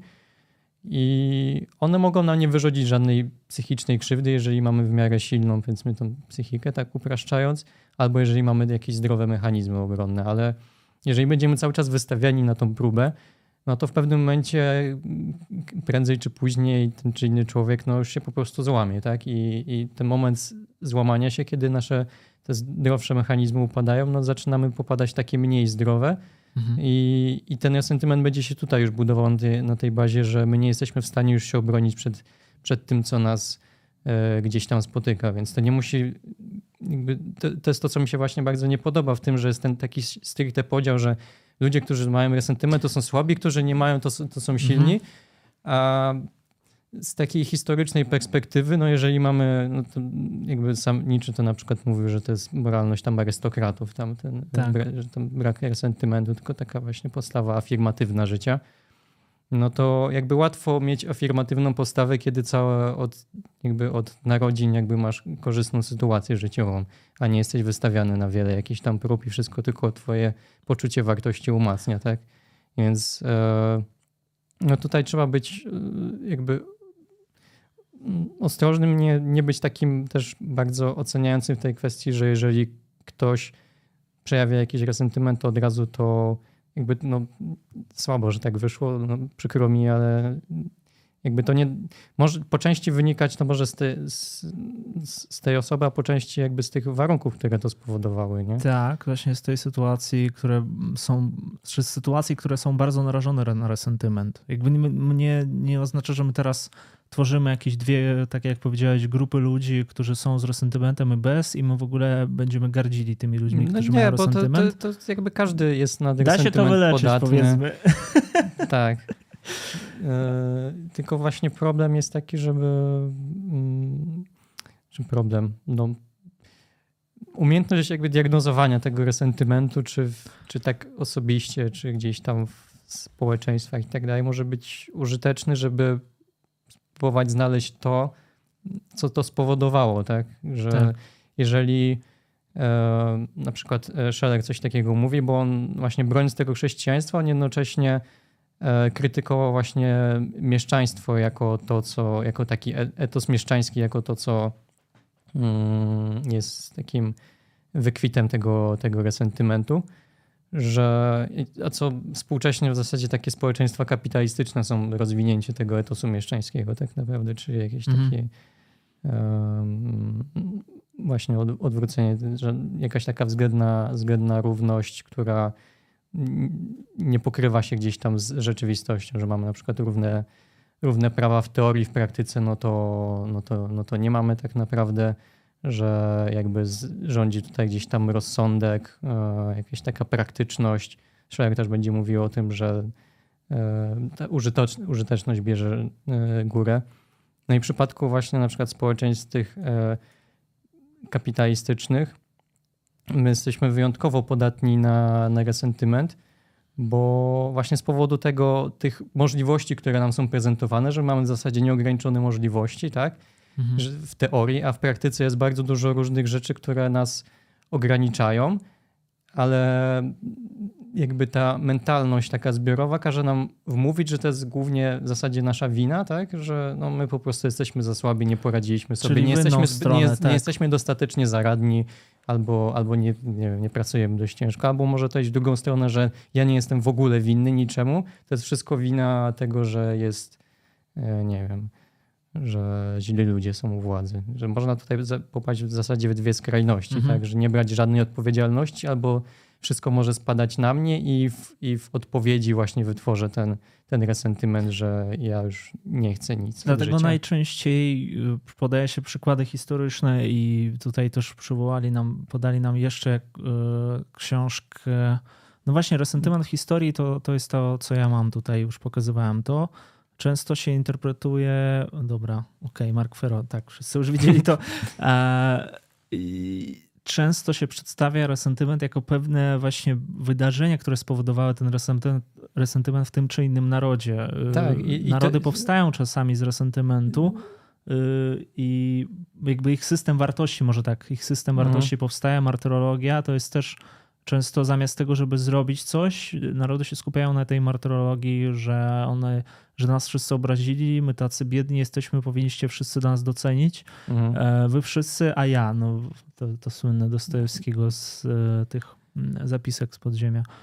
Tak, no, ja bym nawet poszedł dalej, że nie ma, znaczy no to jest oczywiście mocne stwierdzenie, ale wydaje mhm. mi się, że ciężko będzie skazać taki naród, który jest wyzbyty jakiegoś takiego swojego Tak, tak. resentymentu, tylko one będą właśnie takie z, y, konkretne dla, dla danych narodów, że nie wiem, jakieś tam e, państwa, które kiedyś były imperiami, one będą miały taki resentyment z tego względu, że one upadły z tej swojej pozycji, tak? I zaczną jakieś różne resentymenty z tego powodu przejawiać. My właśnie będziemy mieć jako Polacy jakieś resentymenty z powodu tych ciągłych historycznie jakichś uciśnień i mm, rolę jakichś Mesjasza narodów, tak. Tak, tak. No, problem jest wtedy, gdy ten resentyment powiedzmy dochodzi do głosu i na przykład tak jak w Rosji spowodowało to wojnę poniekąd. Y, Oczywiście nie chcę sprowadzać wszystkiego do resentymentu, no ale to jest jeden z takich mechanizmów, który rządzi właśnie tą narracją, szczególnie medialną. E, Wszystkie te wspomnienia historyczne, odwołania do tego, a my wam, my uratowaliśmy Europę przecież, my weszliśmy do Berlinu, to my e, odkryliśmy tam, nie wiem, telewizor, to nasi naukowcy, to te, tablica Mendelejewa i e, my w ogóle mamy największą, najlepszą literaturę na świecie. To bez Rosji nie ma świata, albo jak tam pojawiło się już w ogóle takie stwierdzenia, e, tak, wy wszyscy pójdziecie do piekła, a my do raju. Tak, my, e, albo Jak świat bez pa- Rosji nie jest nam jak, potrzebny. będą, będą patrzeć tam, jak w- piekle gnijemy tak, z góry, Tak, jak tak. na tych patrycjuszy. No i właściwie, żebyśmy nie, też nie rzucali się tym resentymentem może we wszystko, no bo tak, są powiedzmy pewne postawy, które bardziej trącą tym resentymentem, e, ale nie dochodzą do głosu, gdzieś tam istnieją, a są te, które no mniej, y, czy, czy nie, są te, które bardziej, są te, te które mniej. Po prostu to, to, to ciężko jest osza- oszacować, no ale predyspozycje do resentymentu na pewno teraz największe predyspozycje, które się ujawniły, Rosja ma. I on, on jeszcze bardziej narasta i co jest ciekawe, że teraz ten, ta eksplozja resentymentu, ona się obróci do Rosjan tak naprawdę narodowym poniżeniem, kolejnym jeszcze większym niż wcześniej, dlatego że oni w końcu prędzej czy później przegrają to i to poniżenie to już będzie ten stan, kiedy nie wiadomo, czy to się nie obróci znów w kolejny jakiś jeszcze mocniejszy resentyment, Mhm. więc gdybyśmy tutaj chcieli jakiś bardziej pesymistyczny scenariusz wymyślić, o ile ta Rosja w całości pozostanie z tą obecną polityką, która jest, no to, to możemy się spodziewać jeszcze większych eksplozji resentymentu tak naprawdę. No więc dlatego może lepiej, żeby się rozpadła. Wałęsa miał rację. tak. Rosja wynalazła rower, pisze Elżbieta Gruszewska. Mhm. A, tak, Natka pisze, to my to się wiąże z tym ego, co Michał mówił. Często powtarzane my, wy. Mhm. Właśnie Niemcy po I wojnie światowej. No dokładnie. Właściwie tak, tak, tak. Tak. I co są takie interpretacje. Tak, tam ktoś, ktoś tam się nie dostał na SP, miał resentyment i później e, jak miał ku temu sposobność, to zaczął tam e, sztukę tam banować różną, że Aha. jest, de, degeneruje. Tak, albo Chruszczow, który powiedział o malarzach to, co powiedział. Tutaj Twitch może zbanować za, za, za to słowo. E, No ale powiedział, że sztuka to, to, to nie sztuka, to jest gówno, a wszyscy malarze to są P. I a, okej, coś jeszcze chciałem powiedzieć. No właśnie, Deles, bo ten Deles, którego, o którym, o Tak, którym my tam było, wspomnieliśmy. było gdzieś tam pytanie o Dereza A, dużo wcześniej. I ja do tego się też odwołałem. Rzeczywiście mamy książkę Nietzsche i filozofia i to jest cały ogromny rozdział poświęcony tym resentymentowi. E, I to jest ciekawe, że Deleuze podkreśla na przykład, e, znaczy interpretuje tak Nietzschego, podkreśla szczególną rolę pamięci. Że pamięć poniekąd jest nośnikiem tego resentymentu i ludzie, którzy nie potrafią zapominać tych wszystkich e, historycznych powiedzmy mm, e, obelg czy historycznych, no, historycznego poniżenia, oni odtwarzają ten resentyment i pamięć pod tym względem osoba, która nie zapomina nigdy nic, to ona jest bardzo narażona na resentyment i, i będzie powtarzała te same błędy, będzie odtwarzała tą pamięć, że jest skłonna bardziej do myślenia niż do działania. Jest Tak. skłonna do takiej biernej postawy odtwarzania, siedzenia w tym właśnie.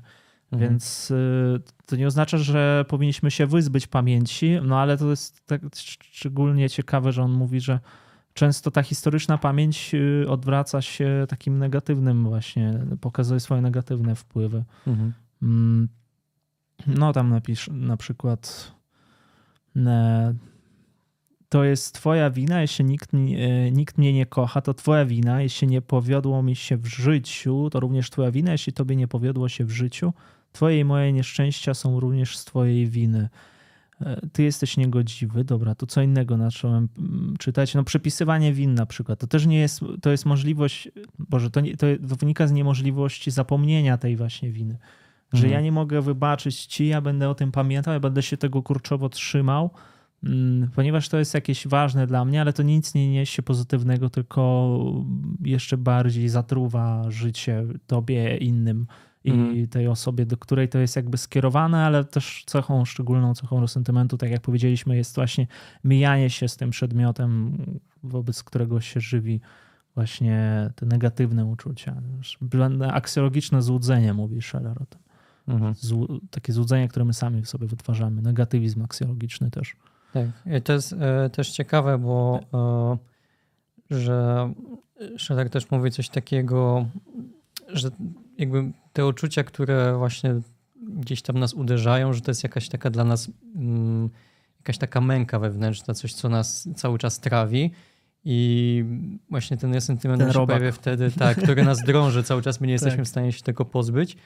I resentyment y, to może być na przykład właśnie przez widok y, rzeczy dobrych, że na przykład widzę, nie wiem, walentynki się teraz zbliżają, będę widział wszędzie zakochane pary, tak, i zacznę dewaluować y, Miłość nie miło, istnieje. Tak, miłość nie istnieje. Jakby to, co jest dobre, zaczyna mnie, e, sam ich widok jakby e, budzi we mnie jakąś nienawiść, ale kiedy już ten resentyment popadnę, to już nie będę odczuwał do tego negatywnych emocji, no bo czy jakiejś zazdrości, tylko wręcz taką, mówię, że będę czuł jakąś litość, czy jakieś takie ubolewanie dla tych osób, że oni w pewnym sensie błądzą, tak? Że tak, oni, oni, nie widzą, że to jest, oni nie widzą, to jest, że to jest jakieś tam zaślepienie, że to jest tam tylko chemia w mózgu, że tracą czas na głupoty i będę ich żałował. Oni nie będą, nie będą już we mnie wzbudzać jakiejś niechęci, tylko właśnie pożałowanie bardziej. To jest, to jest właśnie... Żałosne takie, panie filozofię. tak. myślę, że to jest ten ciekawy taki, taki zwrot, który w tym e, resentymencie następuje. Że na przykład albo mogę, nie wiem, um, widzieć...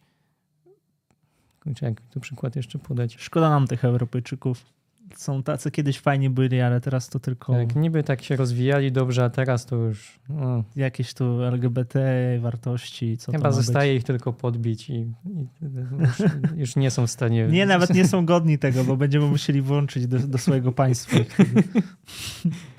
tak. Tak, no Emilia Erle pisze, a Deles wykorzystuje jakoś swoje przeciwstawienie działania z braku, negowania i działania z pasji, afirmowania w jego interpretacji resentymentu niczego. Tak, on w zasadzie od tego zaczyna. To, tam wymienia te dwie postawy niczego reaktywną i aktywną i przeciwstawia je sobie i właściwie ta pasywna jest związana ściśle u niego z resentymentem. Mhm. Coś tam było o Chruszczowi jeszcze. Yy, czy to prawda? Moment, zgubiłem to.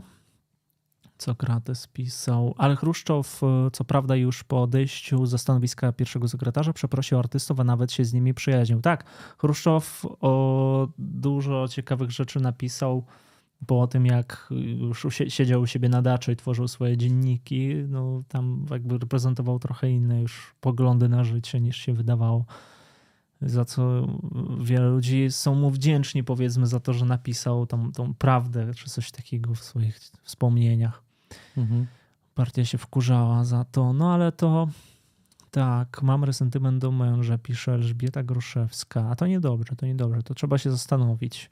Zbigniew Wysocki, pisze Konrad Ziembicki, z tłumaczonych na język polski książek Mark Ferro na uwagę zasługuje książka pod tytułem Historia kolonizacji, tłumaczenie Mirosława e, Łądkowska, Adam Borowski. Dobrze, dobrze, no tego akurat do tego nie sięgnąłem. E, dlatego że nie interesował, może tak skupiłem się na tej, bo ona ma po prostu tytuł, w tytule słowo resentyment e, Marka Ferro, a tamta nie miała, więc to wybór był prosty. e, tak. Mają niektórzy Polacy. Co to znaczy kwaśny cel? Mamy kwaśny cel ustawiony. Tak, to oznacza, że nie my nie Że wiemy, że nie, nie dosięgniemy tego celu i stwierdziliśmy, że, że jest kwaśny w takim tak, razie. dlatego my zanegowaliśmy po prostu donaty dzisiaj. Są beznadziejne te donaty tak, w ogóle. Są, Nigdy tak. nie są wpłacane, trzeba wyłączyć w ogóle ten pasek. Śmierdzi. Tak, jak ten sentyment będzie postępować, to przestaniemy streamować. tak, tak będzie na pewno. E, zwłaszcza ja. No. Czyli Ligones to tylko człowiek resentymentu. No to właśnie to, to jest ciekawa kwestia resentymentu i w ogóle filozofowie, bo często jest tak, że całe kultury, filozofie powstają na resentymencie albo są obciążone przynajmniej takim ładunkiem resentymentu. Mhm. Mm, szczególnie, że resentyment, może tego nie powiedzieliśmy, tak samo ciąży na lewicy i prawicy. To nie jest tak, że jakaś partia polityczna jest wyzbyta tego resentymentu. Scher ciekawy pisze o tym, że na przykład parlamentarzyści, którzy odchodzą, emerytowani, na przykład deputowani, y, często mają resentyment względem tych, no stają w opozycji, to jest po pierwsze, a drugie, po drugie mogą często wpadać w takie resentymenty. Podaję tam przykład Bismarcka, który nie uniknął resentymentu w jakiejś tam mierze. Mhm. Mm, często jest tak, on tam też mówi o różnicach wiekowych, różnicach pokoleniowych, może tak, że często starsi ludzie mają względem tych młodszych resentyment. Nie zawsze taki jest oczywiście, no ale to się pojawia właśnie takie niezrozumienie, taki brak akceptacji pewnych rzeczy. E, bo ja za młodości miałem inaczej niż ty. Dlaczego ty masz lepiej? Ja się bardziej starałem, ja musiałem zasłużyć na to, a ty teraz nie musisz nic robić. Mhm. Więc będę cię teraz jakby pouczał. No nie wiem, to, to, to trzeba się skupić na takich przykładach, może to nie jest. No, znaczy to jest. Mi się to wiąże z mhm. tym, o czym Scheller mówił a propos właśnie tych ludzi, którzy mają jakiś talent, e, że u nas nastąpiło takie odwrócenie na zasadzie, e, on mówi, że to jest właśnie też wynik tego sentymentu, że my zaczęliśmy doceniać e, wysiłek, jakiś wysiłek włożony w osiągnięcie czegoś, że pra, praca nad czymś stała się dla nas wa wartością wyższą niż, niż te jakieś cele, że na przykład bardziej wartościowe dla nas jest e, to, że ja, nie wiem, jakiś no. taki prosty przykład chcę podać, że nie wiem, dostanę się na dostanę się na Harvard ciężką pracą i dla nas to jest bardziej wartościowe niż osoba, która, której przyszło to z łatwością. A dla Schellera jakby on będzie widział to odwrotnie, że fakt, że ktoś jest na tyle e, na tyle tam rozwinięty umysłowo, że przyszło mu to łatwo, on będzie właśnie bardziej reprezentował to, tą wartość e, niż ta osoba, która osiągnęła to ciężką pracą i właśnie, że u nas nastąpiło takie odwrócenie, że my doceniamy teraz tylko tę ciężką pracę, a nie doceniamy, e, nie doceniamy tego, mniej doceniamy to, jakby tą samą wartość, tak? Tak. Właśnie ja zadałem sobie sprawę, że ja nie wrzuciłem link, I... przepraszam, no, wrzuciłem link no, to na wszystko Patronate. Jasne. No to wszystko jasne. dlatego, że to, dlatego, że są kwaśne, dlatego, że my nie tak. chcieliśmy. Ale to, to, to wszystko jakby wiąże się no. z tą ideą, którą też krytykował tej równości, że no, chcąc wyrównać, no musimy równa, wyrównać w dół, to, bo to, co nas wszystkich łączy, no to będzie jakiś niski poziom, z którego możemy dopiero mhm. wyjść mhm. i dlatego ciężka praca będzie dla nas wartościowa, no bo ona wynika z tego, że wychodzimy od tego niskiego poziomu. Tak? No, nie musimy się z tym zgadzać, bo no bo, no bo nie musimy. No, jakby to, e, w sensie, jakby te postawy można w pewnym sensie połączyć ze sobą, że możemy pewne rzeczy doceniać ze względu na to, jakie są, a możemy jednocześnie doceniać przy tym ciężką pracę, tak? No bo jednak widzimy, że wszystko to jest też kwestia warunków e, różnych socjoekonomicznych. Nie wiem, tak znaczy właśnie to zawsze jak jest mówienie o jakichś warunkach, czy o takich kwestiach e, powiedzmy lewicowych, resentymencie, to pojawia się ten problem, dlaczego, dlatego że nie, nie wszystko jest resentymentem. Trzeba też uwzględnić rzeczywiście, że jesteśmy zdeterminowani przez wiele innych czynników. Mhm. No i kwestia determinacji chyba to jest nawet poniekąd ważniejsza, żeby zrozumieć, czy rzeczywiście to jest resentyment, czy to jest właśnie ta niemoc, to odróżnienie, to ta właśnie autoanaliza, która powinna być skierowana wewnątrz, yy, albo rzeczywiście na to, żeby nie oceniać, nie, bo resentyment to jest takie bardzo wartościujące pojęcie i, i tutaj jest problem Mhm. chyba. Mhm. Mm, I czasami naprawdę trzeba się bardzo zastanowić nad tym, zanim jakby zdiagnozuje się resentyment u kogoś albo pewnej grupy. Czy Tak. rzeczywiście tak jest? Czy rzeczywiście każda partia powstała właśnie z tego resentymentu?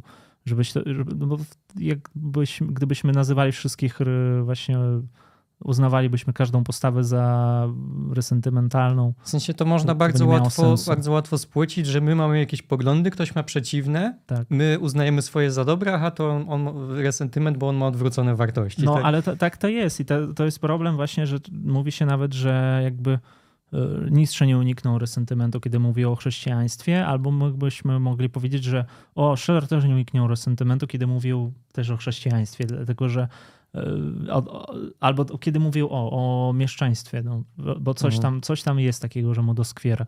No, Mhm. I jakby czy jest jakaś filozofia, która jest całkowicie pozbawiona resentymentu? Świetna robota, chłopaki. Trudny temat wytłumaczony lajkowi. I takiemu jak ja chyba tam był. lajkowi. A przeczytałem laj, laj, laj, lajki. Lajko- Lajki też mogą być. Tak, ale- laj, lajki też są kwaśne, też e, nienawidzimy. O, co krates, na kwaszone listki. E, dziękuję. To zawsze. No, link zadziałał. Tak, dziękujemy N, Ale my nie chcieliśmy wcale. My, e, fuj, nie, Nie- nie, nie da rady. Przecież nie chcieliśmy, Michał. Nie da rady. Nieosiągalny cel w ogóle. Tu, tak. Będziemy się wyciągać i po co nam to? Tak. Nie, nie. no, mm, mm. Dobra, i zacząłem o czymś mówić, o tych postawach różnych. Dobra, żeby nie być, zgubiłem. No.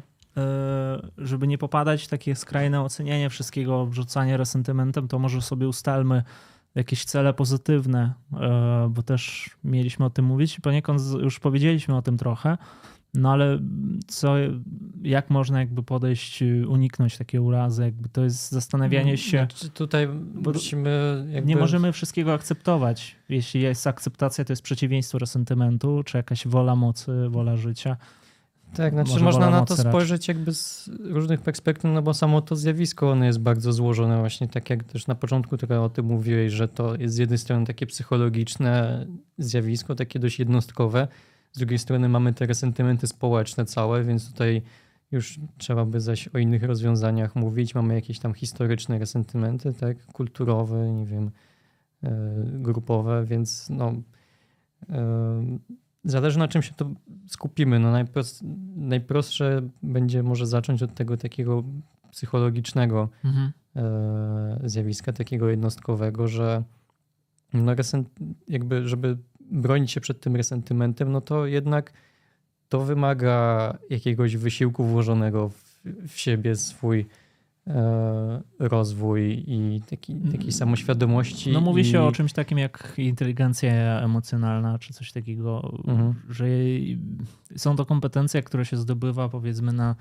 no, jak ktoś chodzi na terapię, to potrafi więcej odróżnić powiedzmy jakichś stanów. Nie zawsze tak jest, bo też no, no, ale tak, tak, tak często jest, że nie, człowiek nie widzi po prostu różnych emocji, nie odróżnia e, to, czego od niego chcą inni i przez to popada w jakieś takie sprzeczności resentymentu. Natomiast odpowiedzią na to by były jakieś kompetencje pod względem emocjonalnym, że umiejętność rozróżniania pewnych emocji, pewnych wpływów z zewnątrz. No, I to się nabywa po prostu. mm, No, często się uczy tego właśnie przez czytania książek, albo dlatego, że ktoś nie miał w rodzinie tego, nie, nie miał tego wychowania, no to, to się od innych po prostu przyjmuje pewne postawy. Mhm. Mm, I te postawy nie zawsze mogą być zdrowe. Skąd się biorą toksyczne związki właśnie? Stąd, że się nie odróżnia takich emocjonalnych rzeczy. No, wymaga to dużej dozy jakby samokrytycyzmu, ale takiego, no nie właśnie, żeby się tam upadlać i stwierdzać, że się Rakowiak beznadziejny. 84 zadał pytanie ciekawe. Y, Czy nazywanie kogoś lewakami to pochodzi spod tego, o czym mówicie? Niech żyje filozofia Malgo. Dzięki wielkie. Dzięki, niech żyje. Filozofia Hej jeszcze ho. nie umarła. Niech żyje. A, czy lewak... mm, Znaczy nie. Bo, to- Znaczy, to samo nazywanie kogoś lewakami jeszcze o niczym Albo nie prawakiem. świadczy. Albo prawakiem. No już nie bądźmy jedno, jednostronni, powiedzmy. Mhm. Że no tutaj trzeba by wyniknąć jakby trochę w tą osobę, tak? Co jest przyczyną tego nazywania? Ktoś może i- to robić, bo, bo sobie chce potrolować albo, albo coś i jakby to... Oczywiście to trollowanie już ma takie silne znamiona tego resentymentu, jeżeli ktoś czuje taką potrzebę, żeby innych gdzieś tam dowalać innym właśnie takim, taką postawą, no to już tutaj jakoś sygnalizuje, że coś tutaj może być nie tak, ale to niekoniecznie jeszcze będzie resentyment, nie? Tak, no to jest tak jak z tym lisem, że to odrzucenie winogron kwaśnych, no bo powiedzmy, że to jest to samo, nazywanie lewak- lewakawi, czy tam lewice kwaśna lewica, bo tak, bo ja nie chcę wniknąć w postulaty, mnie to nie interesuje.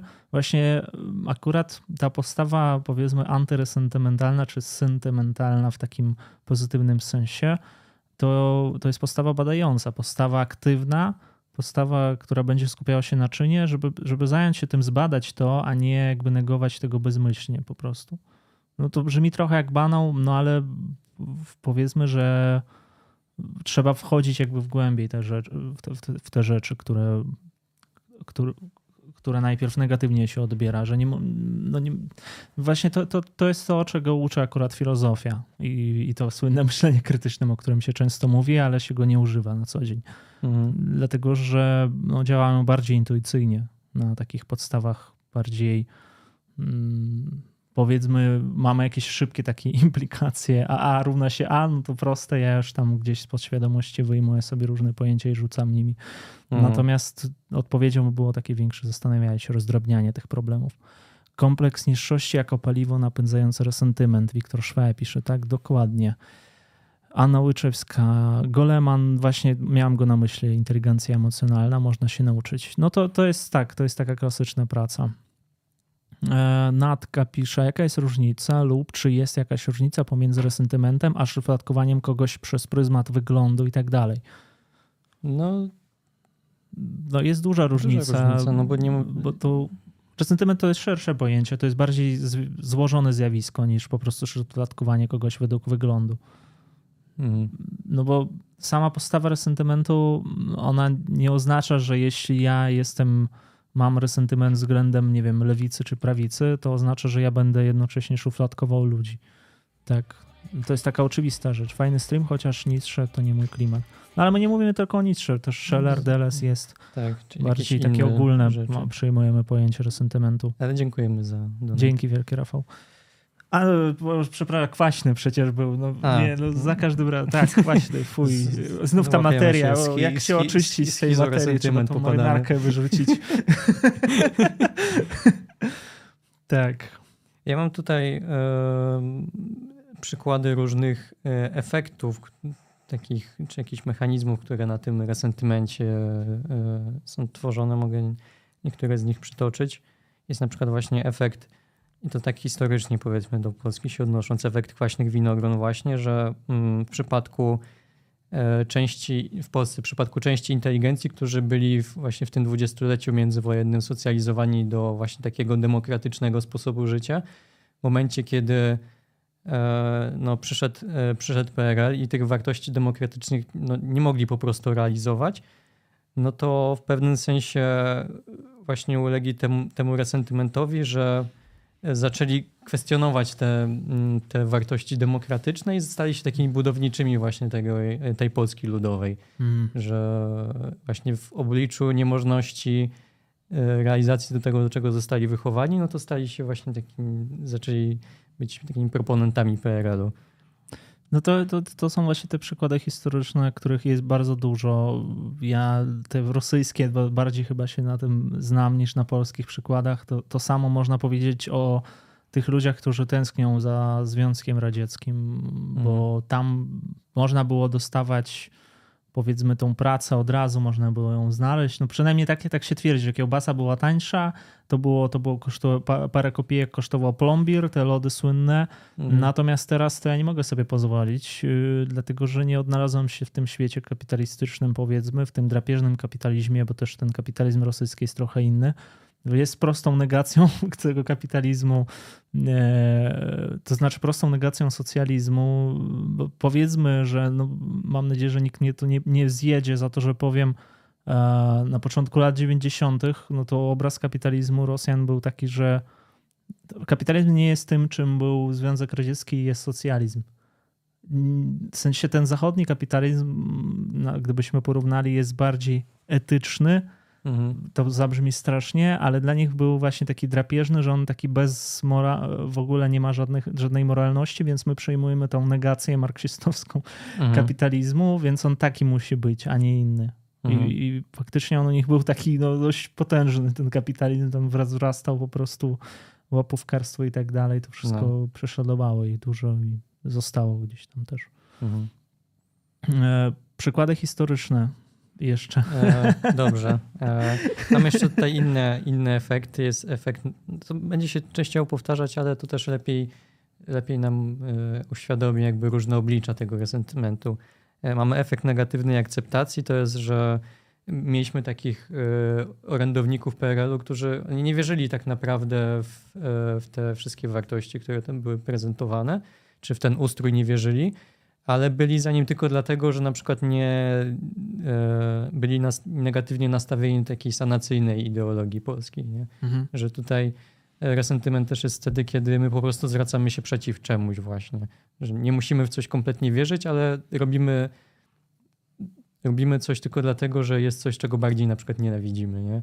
I to widać współcześnie bardzo dobrze w tym, jak, jak, jak teraz polityka w Polsce wygląda, że my rzadko głosujemy za czymś, tylko przeciw, przeciw komu? Przeciw PiSowi, przeciw, przeciw, o, przeciw to opozycji. Jest ciekawe, tak. tak. Ale to, to, nie tylko o Polskę przecież chodzi. Tak samo jest tak, no i w Ameryce. I w krajach, że ja nie będę głosował na tego, dlatego zagłosuję przeciw, bo jest taki kandydat, który jest przeciwko wszystkim. Zelenski na przykład był takim tak. kandydatem też. Jestem przeciwko wszystkim, więc zagłosuję gość, na gościa, który jest w ogóle poza systemem, jest tak jakby gdzieś osobnym bytem. Tak, no i dlatego Bo tak jakby tak z jednej strony no, jakby to nie jest jeszcze żadna też diagnoza, no po prostu zauważamy, że, no, że ten nasz obecny system jest mo mocno y, tym resentymentem prze, przesiąknięty, ale to no właśnie, ile tym jest naszej winy, że my w takie coś popadliśmy, nie? że cały czas się powtarza, że a nie ma na kogo głosować, że ludzie by chcieli mieć kogoś, kto je reprezentuje, a nie ma, więc zostaje im głosowanie przeciwko i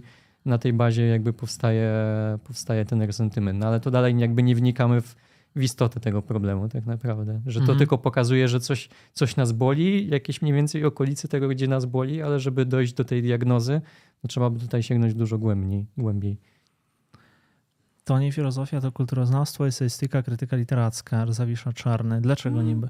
Znaczy, to można było powiedzieć na początku streamu też, nie, nie powiedziałem o tym, że filozofowie i psychologowie właśnie bardziej kłócą się o to pojęcie resentymentu. A ono się... To jest bardzo psychologiczny taki mechanizm. To znaczy, on się pojawia teraz już na tyle, na ile zdążyłem przeczytać, jakby on się pojawia w bardzo różnych dziedzinach, takich przenikających się, że nie wiem, czytałem tam artykuł właśnie, z którego też tutaj tego czerpałem, który w jakimś czasopiśmie takim stricte politycznym był mhm. E, wokół tam polityki ten e, obracający się był wydany, a sam autor na przykład był z wykształcenia filozofem i też wykładał filozofię, więc tutaj to się będzie wszystko przenikać też. Tak, no bo to jest pojęcie, które tak naprawdę ono jest, no niech będzie interdyscyplinarne poniekąd, jeśli chodzi o te nauki humanistyczne, dlatego że jakby kategoria resentymentu, czy ta metodologia, która doszukuje się resentymentu, y, takie krytyczne spojrzenie, no to powiedzieliśmy historia, psychologia, mm, filozofia, systemy moralności głównie.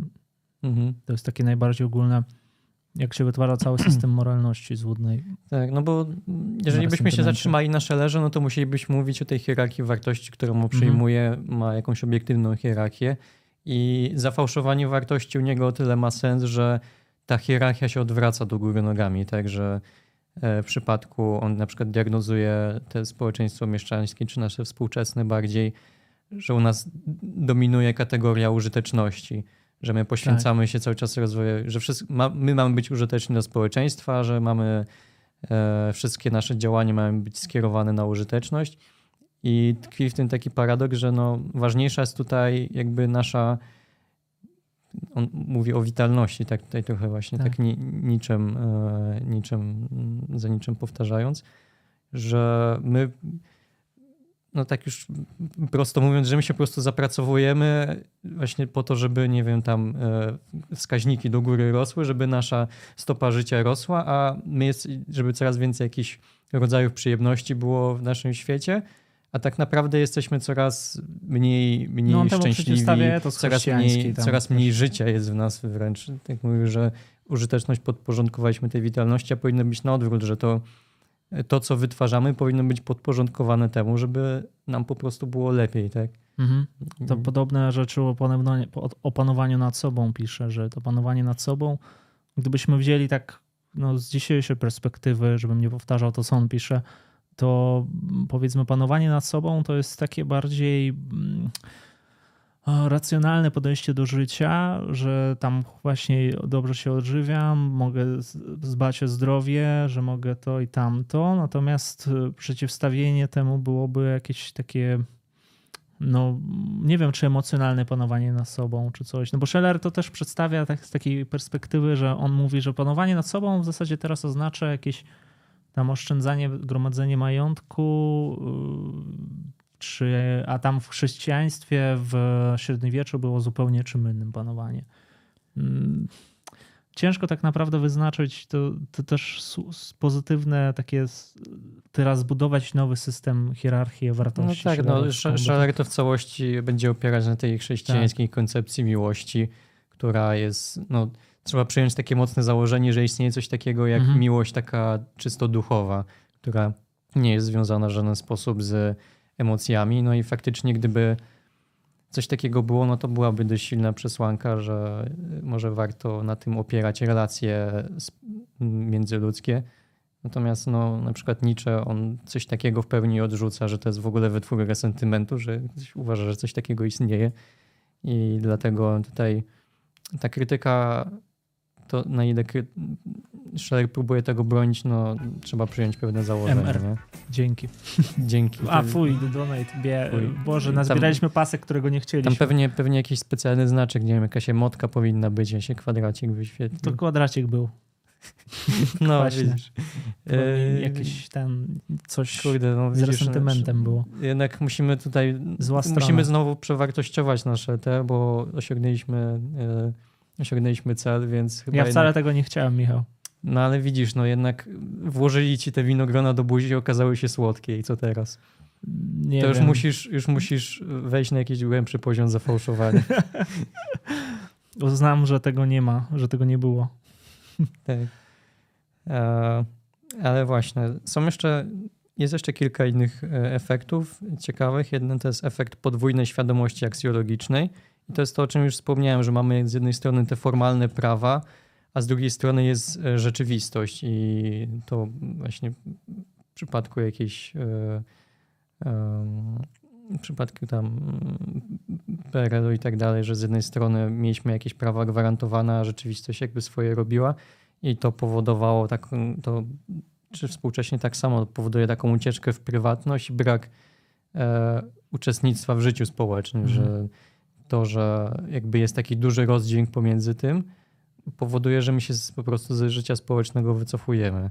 I to też jest jakiś e, znowuż e, przejaw resentymentu. Mm, inny to będzie znowu efekt przeniesionej nienawiści. To jest też takie bardzo mm, właśnie polskie, że mamy tą Polskę oświeconą i z jednej strony mamy tą Polskę oświeconą, z drugiej mamy tą zaściankową. Jedna reprezentuje kulturę wyższą, inna popularną, że mamy taką silną w społeczeństwie takie silne dychotomie nami, nami rządzą. I to się gdzieś tam jeszcze wywodzi, wywodzi z, mm, z tych z, tej, to z, tej, z, tej, z tego poczucia. Którego ostatnio tutaj mi, mm -hmm. był na naszym mhm. streamie. On pisze o 21 no tam ma książkę 21 polskich grzechów, mhm. że wymienia też to, tak. co, to, co mówisz właśnie. Tak, że mamy jeszcze, no kiedyś mieliśmy tych chłopów, mieliśmy, mieliśmy ten powiedzmy jakiś tam e, jakichś takich mhm. ludzi, którzy mieli jakieś majątki, jakoś ziemi, mieli to poczucie wyższości i to zostało na współczesność przeniesione. E, mamy ten podział takich, powiedzmy, ludzi z, z blokowiec, czy może też e, ze środowisk jakichś wiejskich i tej klasy średniej, która gdzieś tam w tych podmiejskich rezydencjach czy w osiedlach zamkniętych się, e, się trzyma i jest taki jakiś wzajemny resentyment do siebie. Michał, mamy ferment na czacie. W, WPL pisze, niestety lewactwo to bunt przeciw społecznych wartości, jak moralność, miłość do rodziny, szacunku do władzy, negowania prawd, biologii. Lewactwo to choroba egoisty, w której rządzą władzy zawsze, władzy za wszelką cenę. No Boże. właśnie to jest trochę taki komentarz przesycony tak, tą taką trucizną do... E, coś tam, coś tam belka, coś tam e, w oku. tak, tak, tak. To znaczy jakby może tak dodam. Tak nie jest. Znaczy, spróbuję, spróbuję zagrać takiego trochę, może nie adwokata diabła, ale powiem, że no jakby jest dużo ludzi na lewicy, którzy będą w ten sposób przesiąknięci tym resentymentem, że oni na przykład e, ktoś ma bardzo, wyniósł z, w swoim życiu bardzo negatywne doświadczenia w relacjach rodzinnych mhm. i taka osoba na przykład będzie negatywnie wartościować w ogóle wszystko to, co jest z rodziną związane i na przykład będzie zwracać się ku ludzkości w ogóle albo ku jakichś e, dobrowolnych e, mm, zrzeszeniach ludzi i tak dalej, więc pewne, pewne negatywne postawy życiowe one mogą wy, wynikać z tego resentymentu. Ktoś może, można być lewakiem z resentymentu, ale można być z przekonań po prostu. I to nie musi jakby oznaczać jednego albo drugiego. I tak samo można w drugą stronę powiedzieć, że ktoś um, jakby z góry będzie odrzucał jakieś wartości, które nie przystają do jego światopoglądu, właśnie z takiego resentymentu, że na przykład tego w ogóle nie rozumie. Tak? Nie, no. nie, nie, chce, nie chce się w ogóle dowiedzieć, od razu to odrzuca, po, potępia w czambuł. E, I to też będzie taka postawa takiego sprzeciwu, który nie jest nawet e, jakoś nie chcę powiedzieć, że racjonalne, no bo tam się różne racjonalizacje pojawiają, a na ile one są sensowne, a na ile nie, to mhm. już inna sprawa. No ale fakt, że się tak esencjalizuje na przykład, że ja, ja racjonalny i tam lewactwo złe. I jakby nie dostrzegamy tam, nie dostrzegamy tam już niczego dobrego, nie dostrzegamy tam ludzi i tak dalej. No to jest, to mocno sygnalizuje tutaj już jakieś. No tak. Dobrze. Kiedy ostatnie streamy wlecą na Spotify? Jak wrzucę je? Tam tak. jedne, jednego faktycznie nie wrzuciłem. Ten albo jak ja to wrzucę, zobaczymy. O, o, o, świętach, albo któryś nie wrzuciłem. No i ten, a na świętach e, ze Stankiewiczem nie wrzuciłem, naszego jeszcze nie wrzuciłem. No, znaczy mhm. ten, który teraz powstaje. No nie, nie, nie, nie wyprzedzamy jeszcze czasu, żeby móc wrzucać coś czegoś. Dobrze. Ja myślę, że możemy kończyć powoli. Tak, a ja miałem jeszcze taki fajny przykład. Tak? No dawaj tak. fajny przykład. E, on jest taki dłuższy trochę, pozwolę sobie to przeczytać e, w, w całości, ale myślę, że myślę, że jest ciekawy. Mm, dawaj, to, jest tak, to jest tak zwany efekt postkolonialny. Atutem Polaka z armaty było to, że nikt nie pozbawił, pozbawił go podmiotowości politycznej czy społecznej. Ponadto obca mu była pogarda wobec własnego społeczeństwa i bezkrytyczna fascynacja innymi. Nie wiem, czy tak było, bo na tyle się nie znam na tym okresie, powiedzmy. Mhm. No ja właśnie no, też, ja, no, ja też to widziałem. Za, załóżmy, że tak. Współczesny resentyment Polaków, szczególnie warstw oświeconych, wyraża się po pierwsze w poczuciu pogardy wobec swoich, nie tak cywilizowanych jak ci inni lepsi, pogardy za to, że są ksenofobiczni, zaściankowi, naiwni sentymentalni w odczytywaniu np. uwarunkowań geopolitycznych, w jakich znajduje się współczesna Polska, czy zobiektywizowanych procesów integracji europejskiej. Po drugie, w kompleksie zapóźnienia przynależności do peryferii świata zachodu, deprecjonowanie, degradowanie wartości własnego narodu, dorobku kulturowego, technologicznego czy sprawności organizacyjnych państwa jest dowodem na trwałe, podświadome, przybierające charakter habitusu ukształtowanie się mentalności postkolonialnej. Myślę, że każdy. Podaj źródło. Myślę, że każdy Czy to widzi. Nie, nie podałem. Myślę, że każdy to może z łatwością dostrzec. Oświeceni krytycy oświeceni krytycy polskich grzechów, zarówno ze środowisk akademickich, intelektualnych, jak i z mediów, ucieleśniają w praktyce życia społecznego historycznie uwarunkowany resentyment postkolonialny. Nieświadomie ulegają narracjom kolonizatorów, którzy zwykle wpajali kolonizowanym ich niskie zaawansowanie cywilizacyjne, brak umiejętności państwotwórczych, skażenie anarchią czy wtórność kulturową. Również ci, którzy uprawiają politykę historyczną, udowadniając wyjątkowość cnót bohaterstwa obrońców przedmurza chrześcijaństwa czy cywilizacji Zachodu przed barbarzyńcami ze wschodu, bolszewizmem, ignorują konsekwencje kolonializmu ostatnich 200 lat.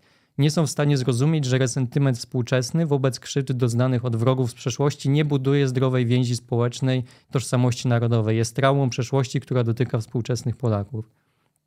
I myślę, że to jest bardzo trafny fragment, to na czym jest budowana nasza, na czym próbuje się naszą tożsamość współcześnie budować, to jest właśnie dokładnie to, że na jakichś e, traumach, na tym właśnie byciu jakimś tam, e, na jakiś właśnie, to o czym wspominałeś, tak, na tej tak, byciu tak. tam, e, że ratowaliśmy Europę, że byliśmy przed murzem, znaczy, że ja tak naprawdę my, jesteśmy, my jesteśmy Mesjaszem, że ucieleśniamy jakieś cnoty jako naród i nikt tego nie docenia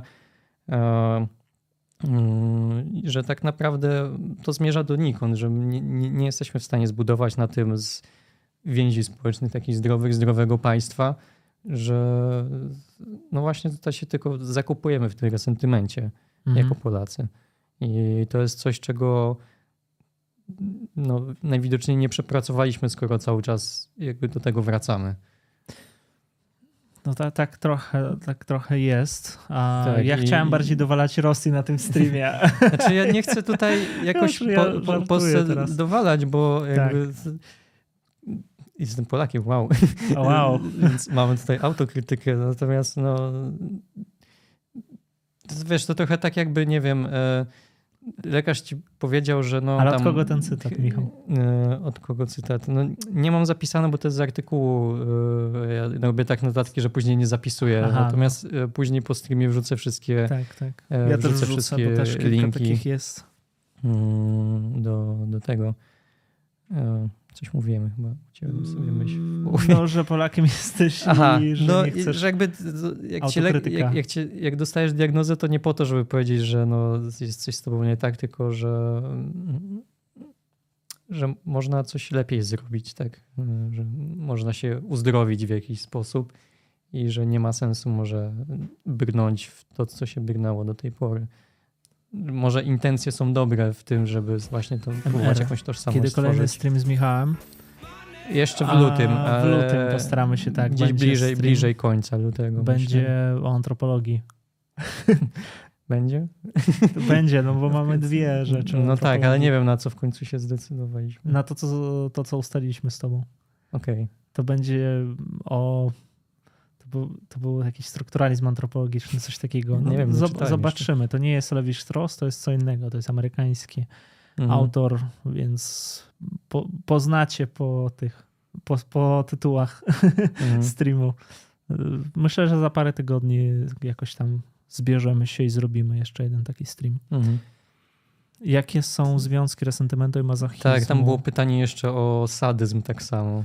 Tak. I ja tak, nie no, wiem szczerze, co na to a, powiedzieć. Znaczy Delas o tym pisze, ale on tak pisze, że pff, ciężko powiedzieć, no bo jakby najpierw trzeba zdiagnozować jedną rzecz, a później drugą i jakie są związki, to, to zależy co z czego mm. wynika. No znaczy ja mam, ja mam jeden trop tutaj. Nie możemy tego mieszać. Ja tak. mam jeden trop, który u Schellera chyba, albo u niczego, już nie pamiętam. Mhm. Pojawiał się a propos, a propos ascezy, że nie, to u Schellera, u Schellera było. U Schellera było. Um, o stoikach tam też był fajny fragment. Że jak mamy, mamy jakichś ascetów, y, którzy tam odmawiają sobie róż, różnych przyjemności cielesnych i w ogóle wszystkiego sobie odmawiają, po prostu są takimi ascetami, że minimalizm do, do przesady to często ten ascetyzm on może nie wynikać z tego, żeby mm, cieszyć się na przykład, e, żeby łatwo doznawać jakiejś tam e, radości z życia, przyjemności, żeby po prostu ograniczać jakieś wpływy zewnętrzne. Mhm. Tylko to może być na przykład asceza wynikająca z niechęci do własnego ciała, tak? I, I, myślę, że pod tym względem tutaj masochizm czy sadyzm też może się wiązać z resentymentem, tyle, że on może wynikać z nienawiści do do ciała i chęci właśnie jakiegoś e, poniżenia te, e, tego, tego mhm. ciała. Tylko, że tutaj mimo wszystko mamy jakąś taką aktywną postawę, nie? Ale... No tak, no bo to, bo to chodzi o to, że resentyment, mm, znów wracam do tego, co powiedziałem, że to jest system bardziej mora moralności, który determinuje jakby nasze myślenie, tą truciznę, która nas pod, no my się okupujemy przed całym światem, my się chowamy, zamykamy się w sobie, właśnie jak ten człowiek Dostojewskiego e, z podziemia, on tam siedzi sobie i cały świat e, jest właśnie brzydki, taki ciemny i on zatapia się w tych swoich pomysłach. No i różni tacy ludzie jakby małostkowi w tej literaturze rosyjskiej, którzy pokazują, y, są takim obrazem właśnie, który nienawidzi siebie, nienawidzi cały świat i przez siebie jakby jeszcze cały świat jest właśnie mm, dla niego. Mm.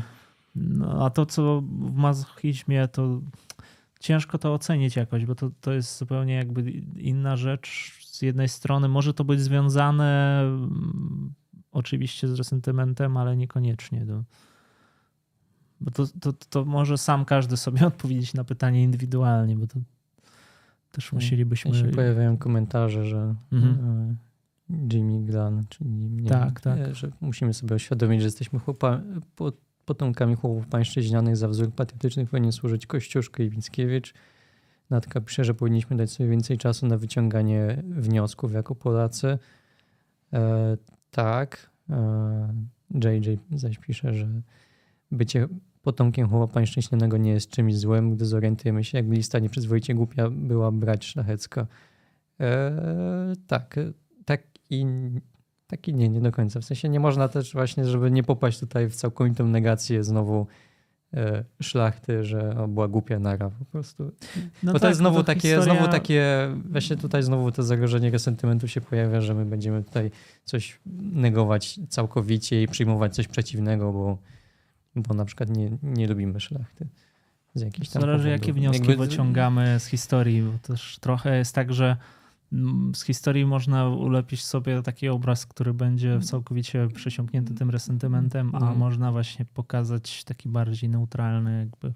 Tak, to jest to, jest to co też no. mnie często u niektórych bawi, że postrzegają historię jako coś takiego, w sensie jako powiedzmy jakąś dziedzinę, że coś powinno tylko opisywać fakty i nara, nie? A mhm. jeśli no, z historii dopiero budujemy jakieś narracje i to one mają dla nas znaczenie. A Problem jest taki, że narracje tu mają tutaj ten swój element taki twórczy i można powiedzieć też w pewnym sensie fantastyczny, więc możemy stworzyć dwie różne historie, na przykład e, polskie i wyciągnąć z tego dwie różne jakby modele do tego, jak, jak, jaka Polska Teraz powinna powiedzą, być. że jest obiektywna historia i Tak, i że fakty dyskusji. są obiektywne i nara.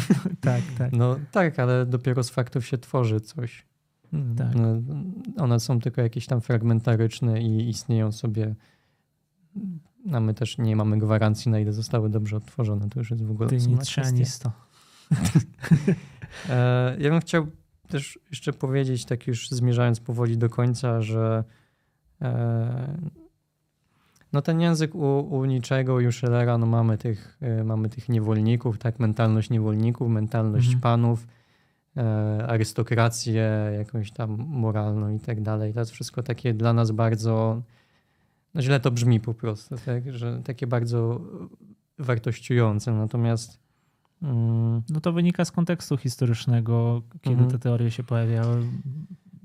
Ja bym chciał powiedzieć też, że to nie jest tak, że nawet tak skrajnie polecę, że można być niewolnikiem dosłownie, a nie mieć mentalności niewolnika, w tym sensie, że właśnie to jest pewna mentalność, którą przyjmujemy, pewna postawa wobec świata. To jest takie zgodne też z, tym, z tą niczańską postawą o tyle, że mm, według niego niezależnie od tego, on też jest taki dość skrajny w tych swoich poglądach, że niezależnie od tego, jakie, co nas spotyka, powinniśmy mieć taką postawę afirmatywną wobec życia. Mhm. Mówić wszystkiemu tak po prostu.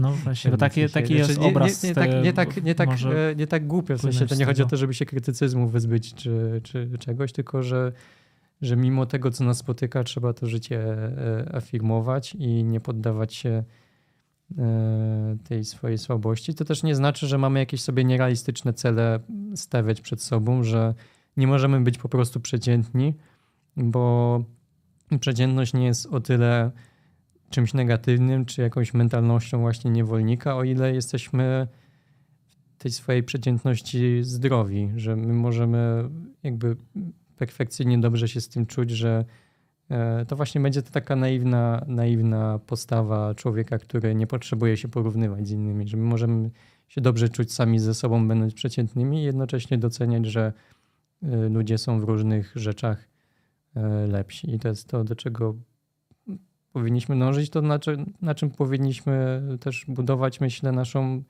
zbiorową mentalność. To znaczy, że takie chorobliwe chorobliwe pędzenie, że każdy musi, taka chorobliwa rywalizacja, e, która właśnie dominuje też w, w kapitalizmie, że musimy cały czas pędzić do przodu, musimy cały czas udowadniać komuś coś, e, sobie udowadniać, musimy być o krok przed innymi, że to jest to, co w nas zbiorowo w resentyment wpędza, no bo nie jesteśmy w stanie zaakceptować e, tego, że nie musimy tacy być. Znaczy, nie, nie musimy... A propos tej afirmacji, akceptacji tutaj pojawiło się i tego i tego słowa użyliśmy, to nie oznacza od razu jakby wyzwanie do działania albo jakaś powinność, że ja powinienem akceptować tam prawicę na przykład i, no i, i, powinienem sam zostać y, prawicowcem. No nie o to chodzi, to jest, chodzi o próbę zrozumienia. To nie, nie oznacza, że jest jakaś powinność, po prostu próba zrozumienia, opisania tego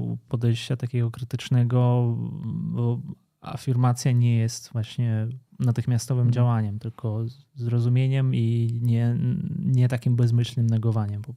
Mhm. No tak samo yy, i to jest yy, to jest też ciekawe, mnie to zaskoczyło, bo tak jak Schellera czytałem, to miałem wrażenie, że on brnął w taką jedną narrację bardzo mocno, ale że na przykład a propos tej równości, jak mówił, że tam równość zła, e, socjaliści, coś tam, e, ale na przykład powiedział coś takiego, że walka klas sama w sobie nie jest przejawem resentymentu, że na przykład e, e, jacyś tam proletariat, który, który będzie z tym z tymi panami, tak, z tymi kapitalistami mhm. walczył, nie musi mm, być mm, jakimś efektem resentymentu, ta walka ich, że walka klas może się też odbywać właśnie wyzbyta tego, tak? No bo jakby tutaj też mamy jakąś aktywność założoną w tym wszystkim, jakąś chęć zmiany rzeczywistości.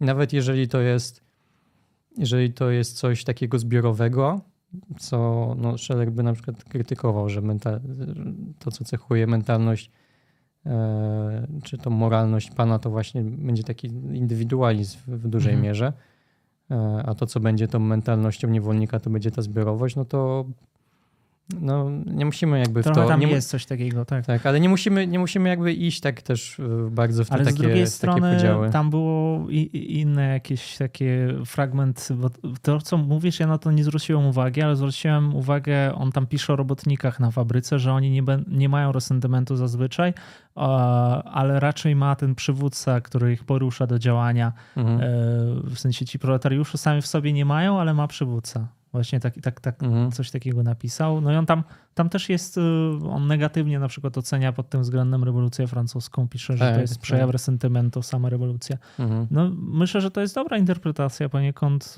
co oczywiście... Resentyment, no, nie, ten resentyment no, nie wziął się znikąd. No tak? właśnie. No i w Rosji też rewolucja to jest poniekąd przejaw resentymentu. Tak, no ale to, to, że, to, że jakby chcemy rzeczywistość wokół siebie zmieniać, Hmm, powiedziałem tak, że fakt, że resentyment się pojawia. No, w sensie on się sam, zbierał sam, przez te wszystkie lata, przez tak. to uciśnienie i tak dalej. Tak, że no, to, że coś w nas wywołuje resentyment, to, to nie jest tak, że teraz jest nasza wina, że my odczuwamy resentyment zawsze, mhm. tylko czasami są takie warunki, że no może państwo skłaniać jakby do wytworzenia pędza, tego tak. resentymentu, na narzucanie właśnie pewnej narracji w, media, w mediach dzisiaj. No a ta wtedy akurat skłaniało przez to, jak traktowało mhm. swoich poddanych, powiedzmy. Tak, współcześnie też przecież yy, właśnie to, co wspomniałeś o tych liderach, to z kolei można też powiedzieć coś takiego, że mamy ten, tego lidera, który ma swój resentyment, ale jeżeli jest właśnie takim charyzmatycznym liderem, on potrafi wykorzystywać resentymenty społeczeństwa żeby Mhm. osiągnąć swoje cele, czyli na przykład e, możemy mieć jako naród takie resentymenty, że czujemy się O, bardzo nie, niewa. No nieważni, nieważni, na arenie, nieważni na arenie Tak. społecznej, no to teraz y, ja wykorzystam ten resentyment do tego, żeby swoją pozycję zbudować. Ja będę wam wmawiał, że let's make America great again, tak? I, Mhm. y, no, i mimo, To że, ja mimo, znów- że mój resentyment może być czymś innym tak naprawdę, ale jeżeli będę zdolny, będę po prostu manewrował cudzymi resentymentami, więc to jest też... Mm, Myślę, chociażby z tego powodu też warto, jeżeli sobie cenicie bycie indywidual, indywidualną, samosterowną jednostką, walczyć ze swoimi resentymentami, bo ludzie mogą łatwo wykorzystywać. I możecie nie być tego kompletnie świadomi. To bo resentyment często jest bardzo właśnie czymś, czego sobie nie uświadamiamy, dopóki nie pogrzebiemy w sobie. Tak, tak, to ja już chciałem powiedzieć dwa razy. Znów chciałem wrócić do tego tematu Rosji, że to, co powiedziałeś, bardzo dobrze pokazuje, e, jak ten resentyment był sterowany po 2000. W zasadzie odtworzono tą pamięć o Związku Radzieckim, o, przywrócono hymn, przywrócono niektóre elementy właśnie tej symboliki Związku Radzieckiego. Rosja się nie rozliczyła z dziedzictwem właśnie stalinowskim. Nic z tym nie Mhm. zrobiła, nie oceniono należnie tych wszystkich zbrodni i to też poniekąd skutkowało tym, co mamy dzisiaj. Dobrze, myślę, że na tym fragmencie, momencie będziemy koń- kończyć. Yy, Tak. Jeszcze będzie stream w tym miesiącu. Dziękujemy wszystkim za komentarze. Może jeszcze coś przeczytamy na koniec. tak, ja chciałem podziękować za przeczytać miłe jeszcze- komentarze na temat moich włosów, które były na początku i nie miałem okazji tam było? Czy co Jakby tam? kilka było komentarzy dobra. różnych. Y, Nie przeszłe, niezauważone. Dziękuję. Y, Tak, zapuszczam włosy. Tak. A tak, No. tak, tak. Nie wiem, czy chcesz wszystko czytać, Znaczy, bo to możemy trochę, parę, trochę jeżeli coś tam się pojawia jeszcze na koniec. Trochę. z czatem. A, tak, tak, tak. Dobra, może na, z końca czatu. Pojęcie resentymentu jest ilustrowane znaną bajką Ezopa o lisie. Tak, od tego zaczęliśmy.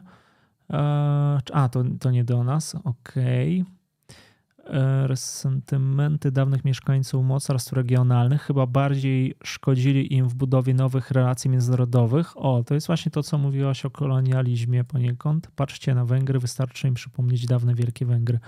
Tak. Tak, tak. I to jest ta prowincjalność rosyjska, ten kompleks prowincjalności, który oni mają, też Mhm. powoduje to. Tak. y, mm, Ciekawie, jakie zajmie teraz stanowisko rzeźników. Rzeźników? Hmm. Nie wiem, o kogo chodzi. A to nie jest jakieś, jakieś określenie z, ze streamów wojennych?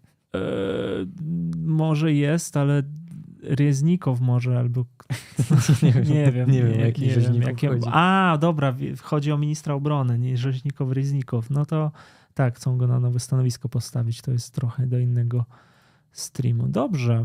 Super strumyk, co prawda jestem trochę z tyłu, ale świetnie się was słucha. To zapraszamy na początek. Można jeszcze raz odsłuchać.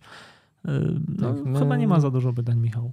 No, nie, nie, powiedzieliśmy, nie powiedzieliśmy wszystkiego. To jest taki temat, o którym właśnie można by Tak. bardzo dużo mówić. Znaczy tak jest dużo mówię, po- interpretacji tak. i historycznych różnych przykładów, których Mi się, mi, się właśnie, mi się właśnie bardzo spodobała, spodobał, tylko że to jest niestety po angielsku artykuł, który właśnie o tak, e, on bardzo mocno osadzał ten, ana- analizował to pojęcie resentymentu poprzez psychoanalizę i e, tylko tam dużo się właśnie Freuda pojawiało, ale też takich już bardzo współczesnych, nie było tam jakichś Lakanów i innych takich zbrodniczych e, e, psychoanalityków i da, daje, daje, robi człowiekowi myśleć, że tak powiem. Tak. Że- Mam nadzieję, że my też daliśmy wam do myślenia. Tak, no y, tak słowem, słowem ko- końcowym jeszcze powiem tyle, że um, nie, nie dajcie się popaść w resentyment, ale nie dajcie się też diagnozować y, resentymentem tak łatwo. Nie, nie szafujcie tym pojęciem. Nie szafujcie? Jak to się mówi? Jakoś tak się mówi. Jakoś tak. Pierwszy raz chyba tego słowa użyłem w- w języku potocznym. Bo no właśnie, bo jest, mam nadzieję, że dało się to jakoś zrozumieć, jakby gdzie, gdzie te granice resentymentu się pojawiają. Nie wiem, czy nam się to udało. Mhm. Natomiast mm, myślę, że jest to coś, na czym warto, warto zacząć zauważać wokół siebie, ale też nie, nie przesadzać w tym. Tak, żebyśmy to. nie- Bo teraz będziemy rzucali w to wszystko, co nam się nie podoba, słowem resentyment, to nie o to Tak. chodzi. e, Lepiej buduj- być winogronem niż lisem. Budujcie, budujcie sw- swoje ego, żeby było silne, ale żeby nie było zapatrzone w siebie, tylko żebyście byli silni mentalnie, mogli opierać się sentymentowi. E, I nie wpłacajcie donate'ów. nam unikajcie niepotrzebnych walek. E, I, no i tyle. I dziękujemy bardzo. Było miło. Tak, dziękujemy. Papa. Do Trzymajcie się, widzenia. Pa, pa.